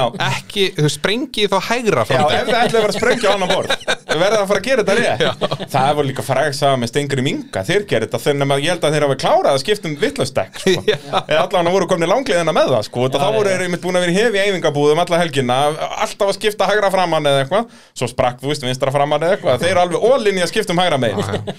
En það, þú veist, ef menn ætla að gera svona æfingar Ég legg til sko, að bara vera á skoðunabílnum og vera með eitthvað í servisnum í aftursæti svo eru þau bara að keira og jafnvel að skoða eða eitthvað og svo segir bara servismæðurum það er sprungið og þá bara verða, verði krúið að gera það sem þeir gera skilur og ef þetta er í miðri brekku eða eitthvað ætlaði að taka sensin að stoppa í brekkun og reyna að skipta þar mm veist, þannig æfum maður sig ekki á, á parkitinu heima sko. eða bara sleppa sárismanninum Já. og annarkur segir, það er sprungið Já, eða það já en það, þetta verður að vera surprise fyrir Á, annan á, kom þegar reyndar. við erum báða á, sko. það er kannski rétt en ég meina það er kannski vesen að fara að skoða alltaf með servismann í skotin Já, ég láta það að senda manni SMS bara allt í einu Já, sprungið heyrðu það, heyrðu það, þetta veistla Það er sprungið, hvað með við erum bara að fá okkur nesti Þannig við vorum að klára að því að sko við, hérna, sko, við Pétur þegar við sprengdum 2008 Já.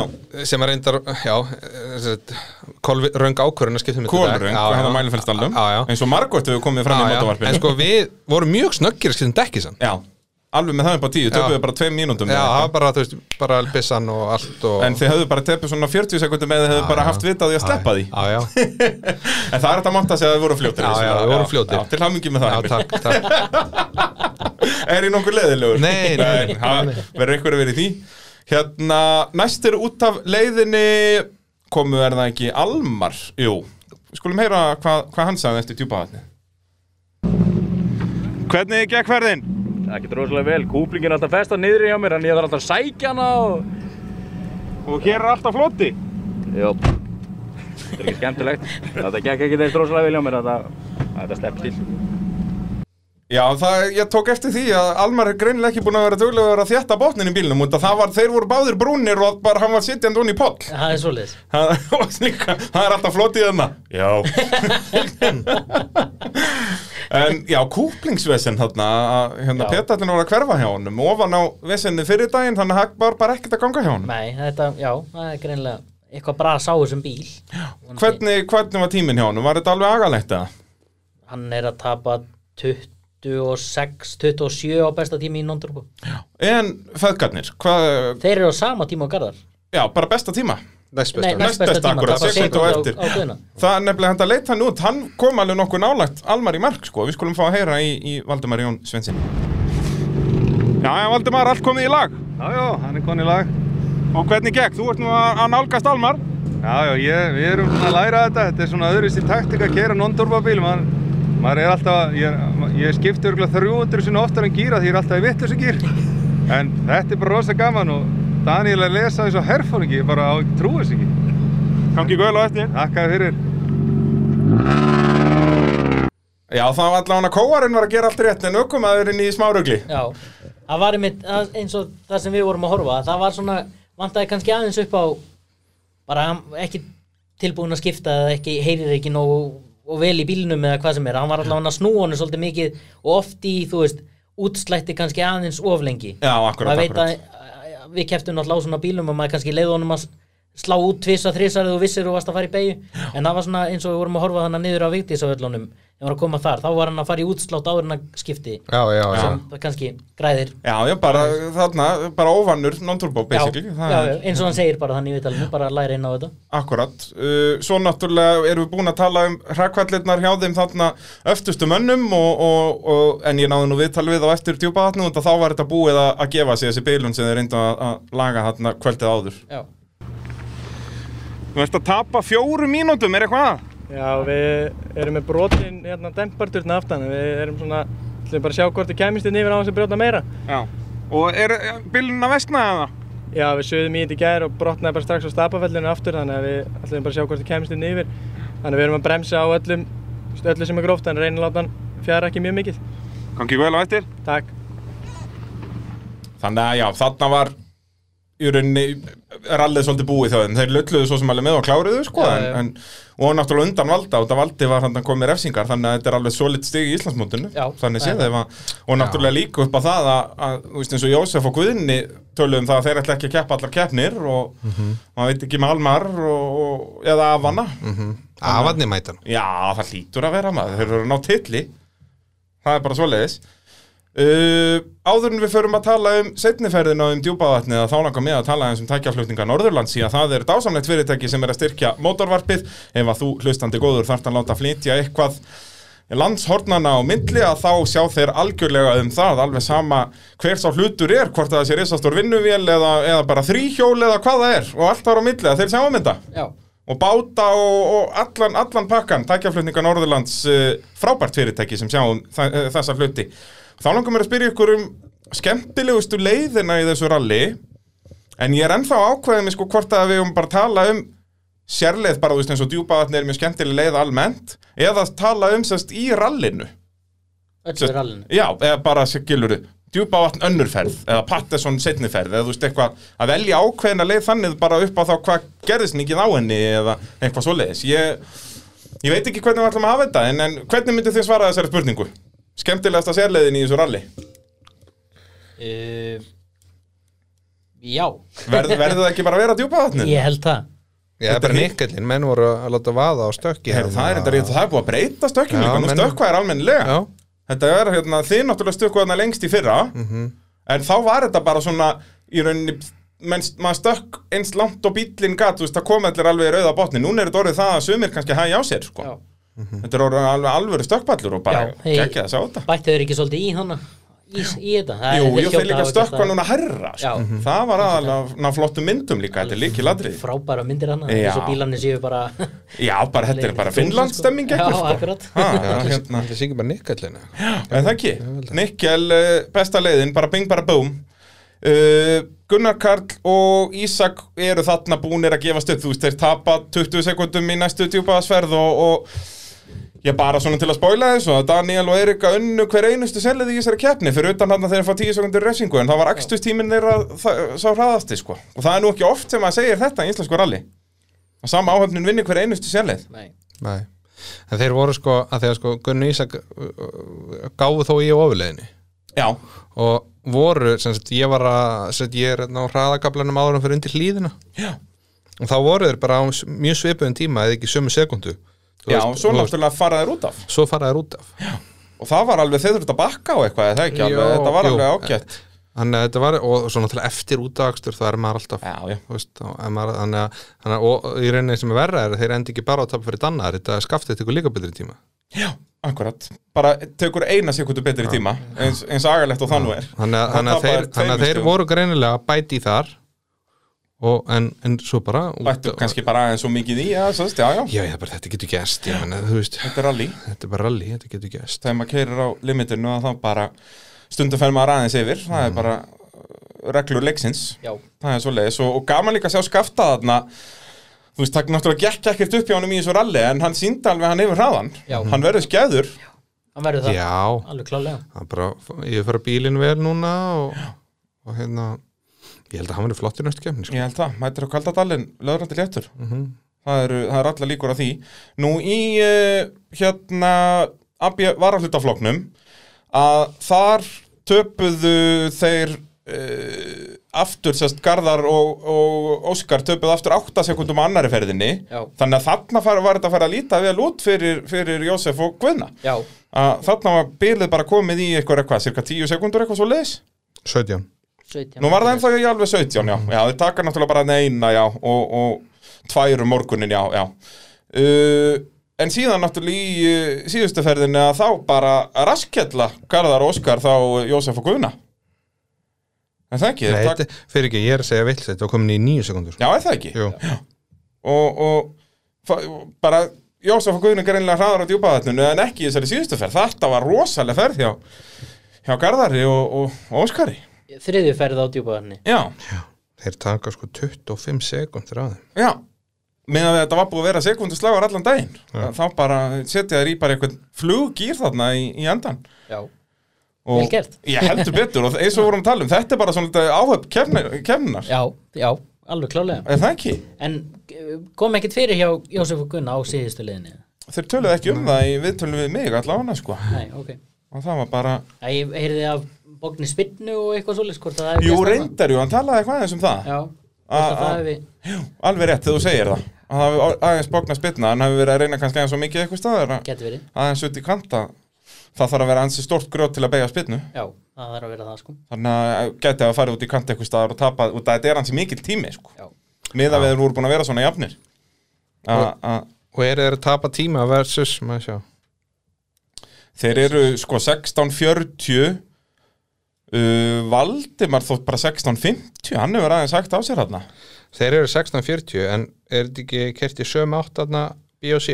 Jú, jú, Þeir eru 16.20, þeir tapa sko þeir tapa, tapa 20 sekundum á, á sinn tíma. á sinn tíma.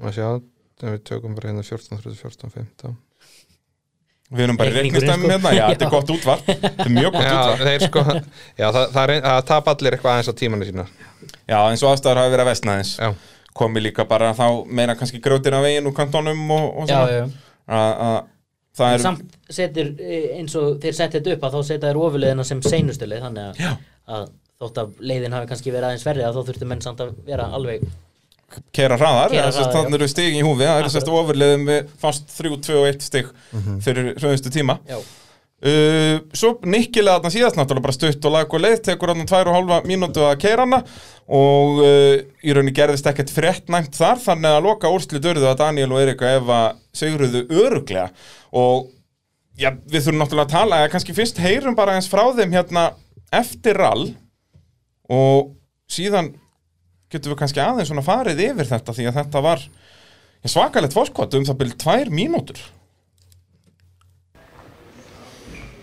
Daniel, ég, fyrsta sætið, þú náður bara, ég er raunin að halda áfram að byggja fórskot á fyrstu leið í morgun. Já, eiginlega bara, ég svo sem fyrsta leiði morgun, ég átti svona vona að ég myndi kannski borða aðeins þar en hérna, en ég átti ekki vona að taka djúpa þarna og, og hvað þá alla ferðina sko. Var þetta bara fullkomin akstur? Já, þetta var mjög gaman sko. Danni stóð sér mjög vel sko. Ekki þú eða? Ég líka. Já, þetta er liðsýþrótt. Nei, þetta er lýsið alveg klálega og þetta myndi aldrei ganga upp ef annar aðalinn væri eitthvað staðar ætti slæman dag sko, þannig að ég held að við höfum bara átt alveg afskaplega góða helgi og já, eins og segi, bara furðulega gott sko. Við settum ekki einu sinni verkfæra á bílinn alla helgina, kera á sömu fjóruðekjunum og, og raunar, já, það, þetta er svona, þetta er jamt og þétt sko, það var aldrei neitt, neitt svakalegt og aldrei neitt slæmt sko, þetta bara var jafn og þétt all- all- allan tíman og kannski, ég veit það ekki voral stundum verið svona menn kannski koma reyðgar undan vetri eða eitthvað og, þá, og, og, og ég eitthvað neginn baða með allir reyðleysi eins og allir vita daglega þannig að það verðist ekki gerast hérna megin en, hérna, en, en þetta var mjög gaman, bara virkilega gaman Erfi, erfitt í dag, krefjandi og, og, og, við, við slöpum með það Frábár árangur, til aðmengjum í sigurinn. Takk fyrir. Takk Og þá skulum við bara strax heyra í, í öðru sætinu, Gunnar Karl og Ísak Guðjóns. Gunnar, eh, annað sætið, þú getur kannski ekki verið sáttu með það, talaður um það í gæra, hann væri bara stemt á fyrsta. Já, ég hefði kannski verið sáttar ef að ég væri nær í endan sko. Hann, það var, hann tók mig full mikið í bakaríði sko. Hva, hvað orsakar, af hverju er Daniel svona svakalega langt á undan ykkur? Ég, sko, ég held að hann náttúrulega, við vitum allir hvað hann er fljótur, skilur, en við vorum kannski bara ekkit upp á okkar besta í þessari keppni og það er kannski hefur kannski smá alveg, þú veist, það er einhver, einhver skýring þar á að við vorum bara ekki upp á okkar besta en, en sjálfsög var hann fljótur, skilur. Uh, voruð þið alveg að taka já, fulla ferð á djúpa vatninu í dag? Já, og ég, ég gæti notað svona djúbátni til að byggja upp sjálfsöryggi í sjálfum mér, sko. Og mér fannst ég vera að kóða með það á síðustu leið. En í öllu rallinu fannst mér samt líka þurfa bara meira greip almennt. Við vorum á slittum dekkjum og svona, þannig að ef það má eitthvað betur fara þá þurfum við að greiða dekki fyrir næsta rall. En annars gekk þetta allt vola vel, sko. Kaldidalur og nágrenni í næsta ralli eru þið já, betri þar? Já, ég held við séum betur það sko. Við, við vorum síndið það í fyrra, við vorum mjög flótir á Kaldal og ég ætla að vona að við getum haldið því upp en, en, en svo Gunnar segir, við verðum alltaf að vera betur dekkjaðir. Við, við vorum bara, já, við, þetta var bara virkilega há okkur og eiginlega meira en maður gerði sér grein fyrir sko. Og já, það þýðir ekkert annað en fyrsta seti næstu keppni, Daniel má ekki byggja upp of mikið fórskott. Nei, nei, nei, það er bara tekinn sæðin pól og ég ætla bara að koma aðeins ferskari til leiks og við bara komum betur undirbúinir og kerum bara hraðar. Gangi ykkur vel í næsta keppni og til að mikið með annarsendi. Takk fyrir. Talandum um dekk Hann talaði um mig í- eða talaði við mig fyrir keppni í viðtali að hann var bara ætlunin að ná sigri ekkert annað, að ætlar að verja sinn titil og eitthvað, af hverju er maðurinn að mæta á slittum dekkjum til lengs? það er ekki gott að segja sko og, og, og slitin dekk geta haft mismönd áhrif á menn sko þú veist, þannig að hérna, það getur vel verið að þetta sé bara eitthvað bara klúður, þú veist, dekk ekki komið eða- Já, getur náttúrulega verið þú eitthvað veist, svoleiðis í búnir að COVID-inu panta dekk, þú veist ekki skila sér og, og honum hefur kannski vanta nýja dekkin til að finna þetta öryggi sem hann var að tala um að vanta en þú veist, mér finnst bara flott viðtal við við erum í baðarafnir og sérstaklega Gunna og Ísak þú veist, þeir, á, þeir eru nákvæmlega meðvitaðar um hvernig þetta var Já. og bara vonandi fáður þessi nýju dekk Já, nýju dekk og kaldadal að þetta já, þeir munu auka, auka hraðan en, en það er náttúrulega klúður að þessi dekka ekki skila sér að því að greinlegt að Gunni þarf það þarf öryggið sko. Já, já, þetta er svona confidence Confidence sko og ég meina við, ég þarf bara sjálf um, ég þarf það líka þú veist, ég, maður maður þarf þetta Já, já, já. meðan að Danni Algjörlega. kannski er með einhver ár og grimdin á annað Já, já. að- að að svona léli dekka hann kannski minni áhrif á hann Já, eins og Danni segir hann, hann nota sömu fjögur Já. dekkin allt rallið. Allt rallið, sko. Þannig að hann var ekki, þá er hann öruglega ekki betur dekkjaður, ef, ef það, já, þannig. Akkurat en þeir voru að diskutera þetta hann á, ég mani á föstaskvöldinu hvaða dekka er þetta farin að djúpa vatn og eitthvað, Gunni Já. og Ísak þannig að, þannig að, hérna, þannig að þeir kannski hafa ekki já, þeir voru alltaf ekki með þau dekk sem þeir, þeir vildu Uh, tölum það eins um Daniel Sigurðarsson og Eriku Efu þvílegur akstur þú veist, Danni er bara þú veist, alveg að præður og hann var hérna bara 2008 hann hefur ekki mist neitt hraða með aldrinum Nei, það er bara, það virðist vera þannig. Hann bara, alltaf þegar hann mætir, þá er hann alltaf rosalega hraður. Já. Þú veist, og tvær, rúmar tvær mínútur í fórskot og vinnur hverja einustu sérlið gegn Gunnari Kall, þú veist, ríkjandi meistar og Gunnari Kall hefur sínt það að hann er mjög hraður þú veist, þetta er bara Daniel er bara á öðru leveli Já, hann er kannski stabili Já Ég veit kannski, kannski hann er klárlega betri en ég vil meina það að Gunni og Ísak og mögulega Skafti og, og, og Gunni Já. hefðu geta verið nær honum ef að þeir hefðu verið búin, undirbúinur undir það Já. þá að segja Gunni og Ísak með rétt ekk og Skafti og Gunni ekki sem sagt, ekki lendi í þessu bilunum og þá er lendi verið að fá betri keislu og meira öryggi Já, Akkurat. já. þannig að hérna þannig að en, en vonandi bara í næsta ralli rífa sér, gæða sér í gang og, og hérna Og fáum alvöru slag um fyrsta fáum sæti. alvöru slag því að þetta á ekki að vera munurinn Algjörlega, algjörlega. Heyrum þá í þriðasettinu, þá voru feðginin Fylkir og Heiðakarinn eftir, já, magnað þarna fyrsta fyrir djúpaðetn og svo heldur bara í að já, áfram bæta fórskoti á Siggabræða og Siggabræða náttúrulega lendi í vandræðum var að bleita landsherrin hjá sér Mhm. Heyrum hvað þau hefðu að segja Aðeins lengra þangað, bara hálft skref Já, ég er bara að stilla þeim upp Ég er unn eftir gerdaginn Jú Þriðja seti í dag, var það ekki bara svona markmiðið Ég er unn eftir gerdaginn Jú, eh, náttúrulega alltaf stemt á fyrsta seti en, en hérna, ég held ég eigi ekki alveg erfið þessi erindi í þessa tvo efri aukumenn þarna. En ég skrautlegur gerdagur og, og það hlýtur að hafa verið markmið þegar þið byrjuði í morgun að bara ná Sigabraga og komast í velunasendi. Já, það var eiginlega bara slagur við Sigurbræð sem var okkar hápunkt, eða svona Markmið. markmið. og já, eigirinn þið náið því strax bara í eiginlega fyrstu ferð á djúpavatnin takkið þarna einhverja hvað 40 sekundur á honum rúmar Já, gerum það. Við sáum í raskati á honum og, og byrjuði bara að hæja á okkur og held bara þessu dampi að vera ákveðin hla- fjarlægi frá honum og, og það döði og svo hérna tvær ferðinu þar á eftir að þá var það bara sama að, að keira bara safe og örglega sko, örugt. En já, það hlýtur að vera erfitt í þessum aðstæðum að voru erfiðar aðstæður í dag Já, það var mjög blautt og það var kallt. Dr- eða Það voru endur ekki mikið að drullupollum, en þeir voru nokkrir. Til að mikið með þriðansendi Takk fyrir það Takk. Já, áhugavert sem fylki segir þarna að hann er raun um leið og hann er komin upp að sigga bara þá slær hann af þannig að hann hefði svo- sennilega geta verið bara hann á svipum tíma og, og Gunnar Kall og Ísang Já ef þetta er rétt, maður veit náttúrulega ekki hvað þetta er langur kapli sem hann er þarna, kannski hafði hann bara verið kannski 5 sekundum hraðar en kannski voru þetta 15 eða eitthvað og, já, já. Að- þannig að hann er alveg komin á svona herra level, finnst manni Já, ég Já, já, hann er, hann er klárlega bæti í og hann er rauninni bara sama maður vonar að hann auki bara enn veðst, við, erum að, við erum að fara fram á að Gunni og Ísak bæti í hraðan já, já. þá væntalega viljum við líka fylgir með alla þessar reynslu bæti í hraðan auðvitað, auðvitað, fyrir meistari og, og vann síðustu keppni þeirra Svona fyrst að maður er bara fjallum þetta fyrst að maður er ekki keppa og getur engi að vera gaggrinum Já, nákvæmlega, nú getum við bara verið dólgslæti. Við baldur kerðum eins og ég veit ekki hvað eitthvað í fyrra, það sem að við hefum viljað Vera hraðari. vera, vera hraðari, Já, já. sko Já. Þannig að þetta er Þannig að við viljum bara fá keppni í þetta Nákvæmlega uh, Bílapunkturinn að styrkja mótorvarpið að sjálfsögðu Það er okkar maður Valdimar Jón Svensson sem að væri mitt að keppa í þessari keppni sem að rekur það frábæra bílavestæði og eru þeir með bílamálun, réttingar, framrúðuskipti og allar almennar bílaviðgerðir Þetta er basically bara þannig að ef bílinn er bílaður, þá fyrir bíljöfur Ef hann er beiklaður eða tjónaður, þá fyrir bílapunktin Já, þetta er ekki flókið Þetta er ekki flókið mál Bara bing, bara búm Nákvæmlega, eins og maðurinn sagði Eh, Þetta er að sjálfsög í grófinni sjö Reykjanesbæ og, og valdi í bílapunktunum duglegur að styrkja Axtus íþróttir og þess vegna verðum við að vera duglega að stunda okkar business við hann ef að þess þarf og vinnur bílapunktunum fyrir all helstu tryggingafjölug líka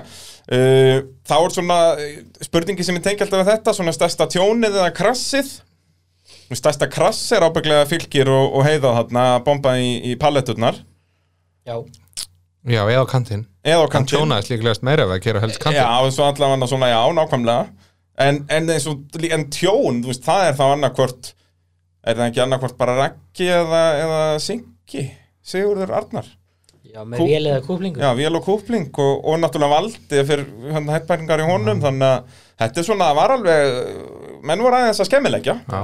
Það er, en það er bara partur af, af motorsporti það er, það er nákvæmlega svoleiðis í AB varalutafloknum að þar voru það okkar menn, svona áhöfnu ralsins, Garðar Óskar sem að stóð uppi sem segurvegarar uh, við skulum fá að heyra í þessum meisturum hérna eftir, eftir keppnina Ruslakalli hérna sjáast það ekki. Já, aldrei, nei, aldrei, aldrei ekki. Alltaf byrja á að stilla Þetta er fyrsta sendi í dag, til að mikið með það Já, takk fyrir það, takk, takk Uh, Já, þetta leit nú ekkert kannski sérstaklega vel út eftir fyrstu tvær fyrir á djúpavatninu Jósef var sex af ykkur þarna, já, í kringum 10 sekundur í báðum ferðum Já, hvað gerðu þarna í þriðu ferð? Já, hann tók nú reyndar eina sekundu í fyrstu ferðinni. Nú, það var svoleiðis, já. Svo tók hann sex og þá voru eftir tíu. Það voru eftir tíu. Í okkur sko. Og við svona ákvaðum það bara að við ætlum nú ekki að fara að koma út á að við verðum búin að tapa. Við ætlum annað að koma út á að vinna eða bara koma ekkert út af. Það var allt eða ekkert? Það var allt eða ekkert, það var bara þannig Við erum bara þannig Já, enga tapa Barnaböndunir eru komin, þannig að við höfum enga tapa Bara að við láta fáum hafa aldrei, við, megum ekki vera, við fáum ekkert annað séðin til það. Og já, það skilaði sér, frábær árangur, fyrsta sendi Gekk upp, það er gríðarlega svolítið. Til að mikið með fyrsta sendi Takk fyrir það, takk, takk, takk Og þetta er náttúrulega þeirra heima keppni og, og já, Garðar Gunnar- Gunnarsson fyrir það sem ekki vita hefur náttúrulega verið já, partur á keppnisaldi þarna hjá IFS bara frá þeirra fyrstu keppni árið, þú veist, 8, 10 og 2 eða eitthvað og, og hefur verið já, keppandi keppnistjóri eða eitthvað í keppnisaldinu öll þau ár síðan, einhverjar 40 IFS keppnir, búin að vera eh, formaður lýja og, og bara búin að eyða enda löst af sínum frítíma í motorsport á Íslandi og þetta var hans fyrsti sigur í Suðunisæralli þannig að þetta Já, er alveg bara magnaðar árangur Já. Það er, og, og bara þvílíkur, þvílík hetja sem Garðar Gunnarsson er Mhm. Já. og allt það starf sem hann hefur verið að vinna í, já núna hvað, 40 ár já Þetta er ótrúlega flott og var, var já vel að sigrunum komin, það ótt að segja það Þessi er um, skemmtileg, þetta er mjög skemmtileg áhugna því þeir setti mitt inn innkars af Já. hérna var það ekki af Stapafell. Af Stapa, jú, er það ekki? Þetta er, það er, það var útrúlega gaman að horfa á það Óskar að berja hann alveg áfram Já, og þeir hann eru er alveg bara, það er 50-50 verið að lesa nótur og síðan að berja hann áfram, Já, sko. það er Líka því alveg Óskar, ótrúlega sko, gaman að þessu. veist, Óskar sko, sem aukum að var Óskar svo grimmur sko. Algjörlega, já, það, hann náttúrulega kefti þarna í þó nokkuð mörg ár og á bæði í, í byrjandaflokknum og síðan á, á alvöru Subaru og það, það vantaði ekki grimdina, það er alveg rétt Alls ekki, sko og hann verðist bara flytja hana vel yfir í farþæðarsættið Þannig ég hlaka, maður hlaka bara til að fylgjast með þeim sko. Já, það er, ein, það er vonandi að hann er, er keppi heilt tímbil, ég væri til í að sjá það bara hann í þessum meistarast lag og, og bara enda sem meistarar því að það er líka mjög gaman að þeim Já. þeir hérna eru að hafa gaman, það er ekki, það er ekki nokkur spurning kannski sko fyrst að ég er nú komin hérna inn á Facebook á ekki að spila bara smá part af þessu það, það, það er nú, það er mjög gaman að þessu ef við, ef við hlustum aðeins í vinstri fjóra upp í blinda vinstri 30 í blind beint vinstri fjóra hérna upp í blinda vinstri og 30 í blind beint blind beint niður í 30 í vinstri þrjá Á- áfram, áfram, áfram vinstri nýju hérna þetta er bara í hægri Já, það er heldur betur verið að stappi hann stálinu, Já, sko heldur bara, haldu áfram og hérna, já, bara frábæra áhefn við skulum fá að heyra í þeim eh, Jósef og, og Guðna sem enduð í öðru sæti í, í þessum flokki Eh, Jósef, er þetta hvað annað sæti í dag, er það ekki? Já, mér skilst það. Hvað, af hverju náðu þið ekki fyrsta? Sko, í fyrsta lagi þá ætla ég nú bara að hrósa Garðar Óskari fyrir frábæran lagstur. Við reyndum og reyndum og, og svo náttúrulega bara hrikalega erfiðar aðstæður, sérstaklega í dag. Síðasta fyrir á djúpaðatni, ég vissum að við höfum unnið einhverja driftkeppni þar, þetta var svo sleift. En fyrst og fremst bara virkilega vel gert hjá þeim, við reyndum samt. Já, voru það að taka af þeim að fyrstu tveimur ferðunum? Var það síðan bara mistök hjá ykkur að ná ekki að taka í þriðju ferðinu eða var það Garðar sem að bættu í? Ég held að Garðar hafi bara bætt í og það var bara rosa sleift. En annað sæti, það er nú fín byrjun. Það er ekki slæmt. Á eitthvað að halda áfram í sumar eða er þetta bara einn kefni? Sko, það verður eftir hvort þú spyrir mig eða Jósef, hann segir alltaf að ég sé svo neikvæður þegar ég segi nei, ekki fleiri kemnir, eins og ég sagði hérna fyrir tveimur árum, en við veitum hvernig það fór, Mjög neikvæður. Þá bara- Já, við sjáum til, ég veit það ekki. Við sjáum bara næstu kefni? Já, kannski.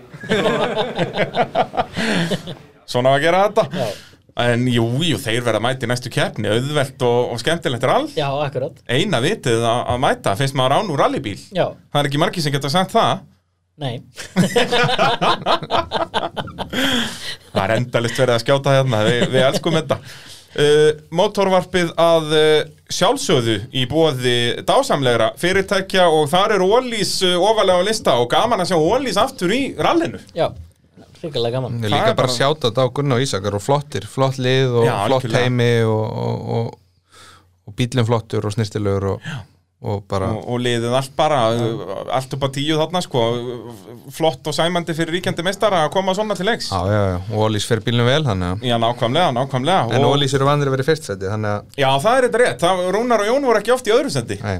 þannig að þeir verða já, komin pressa. Það er- það er nefnilega, við erum að setja svo mikla pressu á Já, þá. já, það er- til þess erum við Það hérna. ríkur eru höstum aðeins báðum þeir hlusta á þetta sko. Alveg, 100% Ég er bara, á, á núna um morgunin mun ég fá, fá símtal frá þeim báðum bara, Hvað hérna Nei, nei, þeir eru með breytt bak Já, ég, við, og ástæðan fyrir ég að við erum að tala um þetta er að því við vitum að að þeir geta gert betur, það er bara svo leiðis og hérna, og Lís uh, hafa náttúrulega, já, verið að styrkja Íslands motorsport í bara miljón ár, bara frá því Íslands motorsport byrjaði í rauninni og frábært að sjá það komna sterka enn aftur og hvetjum við þá alla til að næla sér í Ólís líkilinn til að fá afslátt af bensinu og fullt af öðrum vörum og með því að skrá sér hann í vinahópin og uh, talandum vinahóp Ólís að hverju myndur segja að væri svona óvinnir helgarinnar og þyrftu þá að skrá sér í vinahópin til þess að verða vinnir aftur er einhver, það var nú ekki mikill svona rígur Nei þú veist, bara svona, það er þetta klassíst að Alveg segja sé. bara að Gunnar kall lótið danni, sko já, En bara fylgir og palletta það er, já, heyrðu, það er þetta gott sjátt fylgir og pallettur, þau þurfa að skrá sig í, í vinnahópin svo þau verði vinnir aftur eða bara, bara kantsteinar í Keflavík og fylgir Nei, ég veit ekki, svona rígur á milli Já, það var ekkert mikið um það Nei. sko að hérna það voru allir bara mjög þægir Já.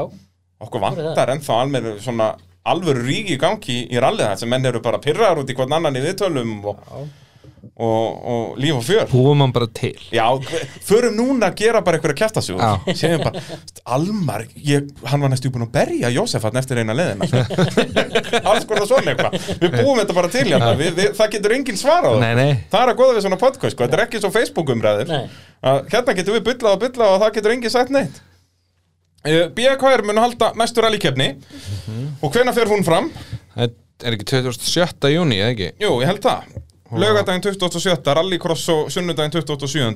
Þannig að það verður nóg að gera þá á helgi líka Já, já, það er það verður allan ekki föstudagurinn líka þetta verður uh, Þetta er bara þægilegt laugardagur, rall og það er búið að koma tímamaster þetta er mjög þægilegt líka, það er hægt að muna tímamasterinn Já. Já. því að það er, er alltaf ræst bara á 0-0 Mhm. klukkutími milli allra leiða og þetta er kaldidalvin fram og tilbaka, uxaríkir fram og tilbaka kaldidalvin fram og tilbaka og uxaríkir fram og tilbaka Nóa kilometrum Já, er þetta, hvað er þetta í kilometrum? Þetta er alveg, 158 eða eitthvað já, þetta er bara næstum því tvöfaldarall Já, Þannig að- Sem er geggjað. Þannig að hérna, það var pæling hjá okkur hvort við ættum að fara með það yfir 160 og la, að, að, la- reyna, reyna að fá það til að gilda 1,25 Já. En það er svona skipta skoðanur um það og, og, og, og, og, og reglur að fjalla bara um það skilur Já. og, og hérna Þannig að það bara fer eitthvað neginn en ég gerir ráð fyrir því, ég menn menn við allavega að fá það nóga kilometrum, börsið frá því Algjörlega. hvort það vægi þessi 1,25. Þannig ef ykkur, þú veist eins og ef ykkur vagnar ekki að fyrstu leið og tapar þú veist 20-30 sekundum, hafa hann fullt af kilometrum til að vinna þau. Akkurat, Já. sko.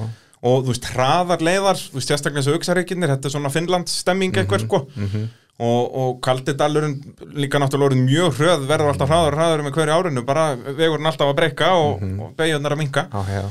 Þannig að þetta stefnur í eintóma hamingju og vonandi að svona einfaldur struktúrur allir hveti menn til að mæta Það er pælingin með þessu Það er, það, veist, ég segi, þú veist, holmæk undarfærin ára það hafa ekki nógu margir keppindur mætt ángað Akkúrat. Þess vegna erum við að prófa þetta og sjáum bara hvað hvað það skilar hvernig þetta fer allt saman uh, Takk kærlega fyrir að koma, drengi mínir að vera mínir rally sérfræðingar hérna í, í mótorvarpinu þó að við, það má deilum það hversu miklu sérfræðingar við erum en, en það hafur einhver verið í vonandi, vonandi getur bara einhver annar mætt í þetta næst því Já, út af því að þið verða að keppa. Og sett út á okkur baldur, hvað við vorum hægir Já, það er, Eða- þannig að við erum eða- bara núna að fá það staðfest að þið munum keppi í næstu kefni Nei, ekki jú, næstu. jú, jú, jú, jú, jú, það er, það er- það er hér með staðfestið það og ég mun þurfa að fá okkur annan til að fara að drullu yfir ykkur Þetta getur ekki klikkað Takk hérlega fyrir að koma, drengi mínir Takk.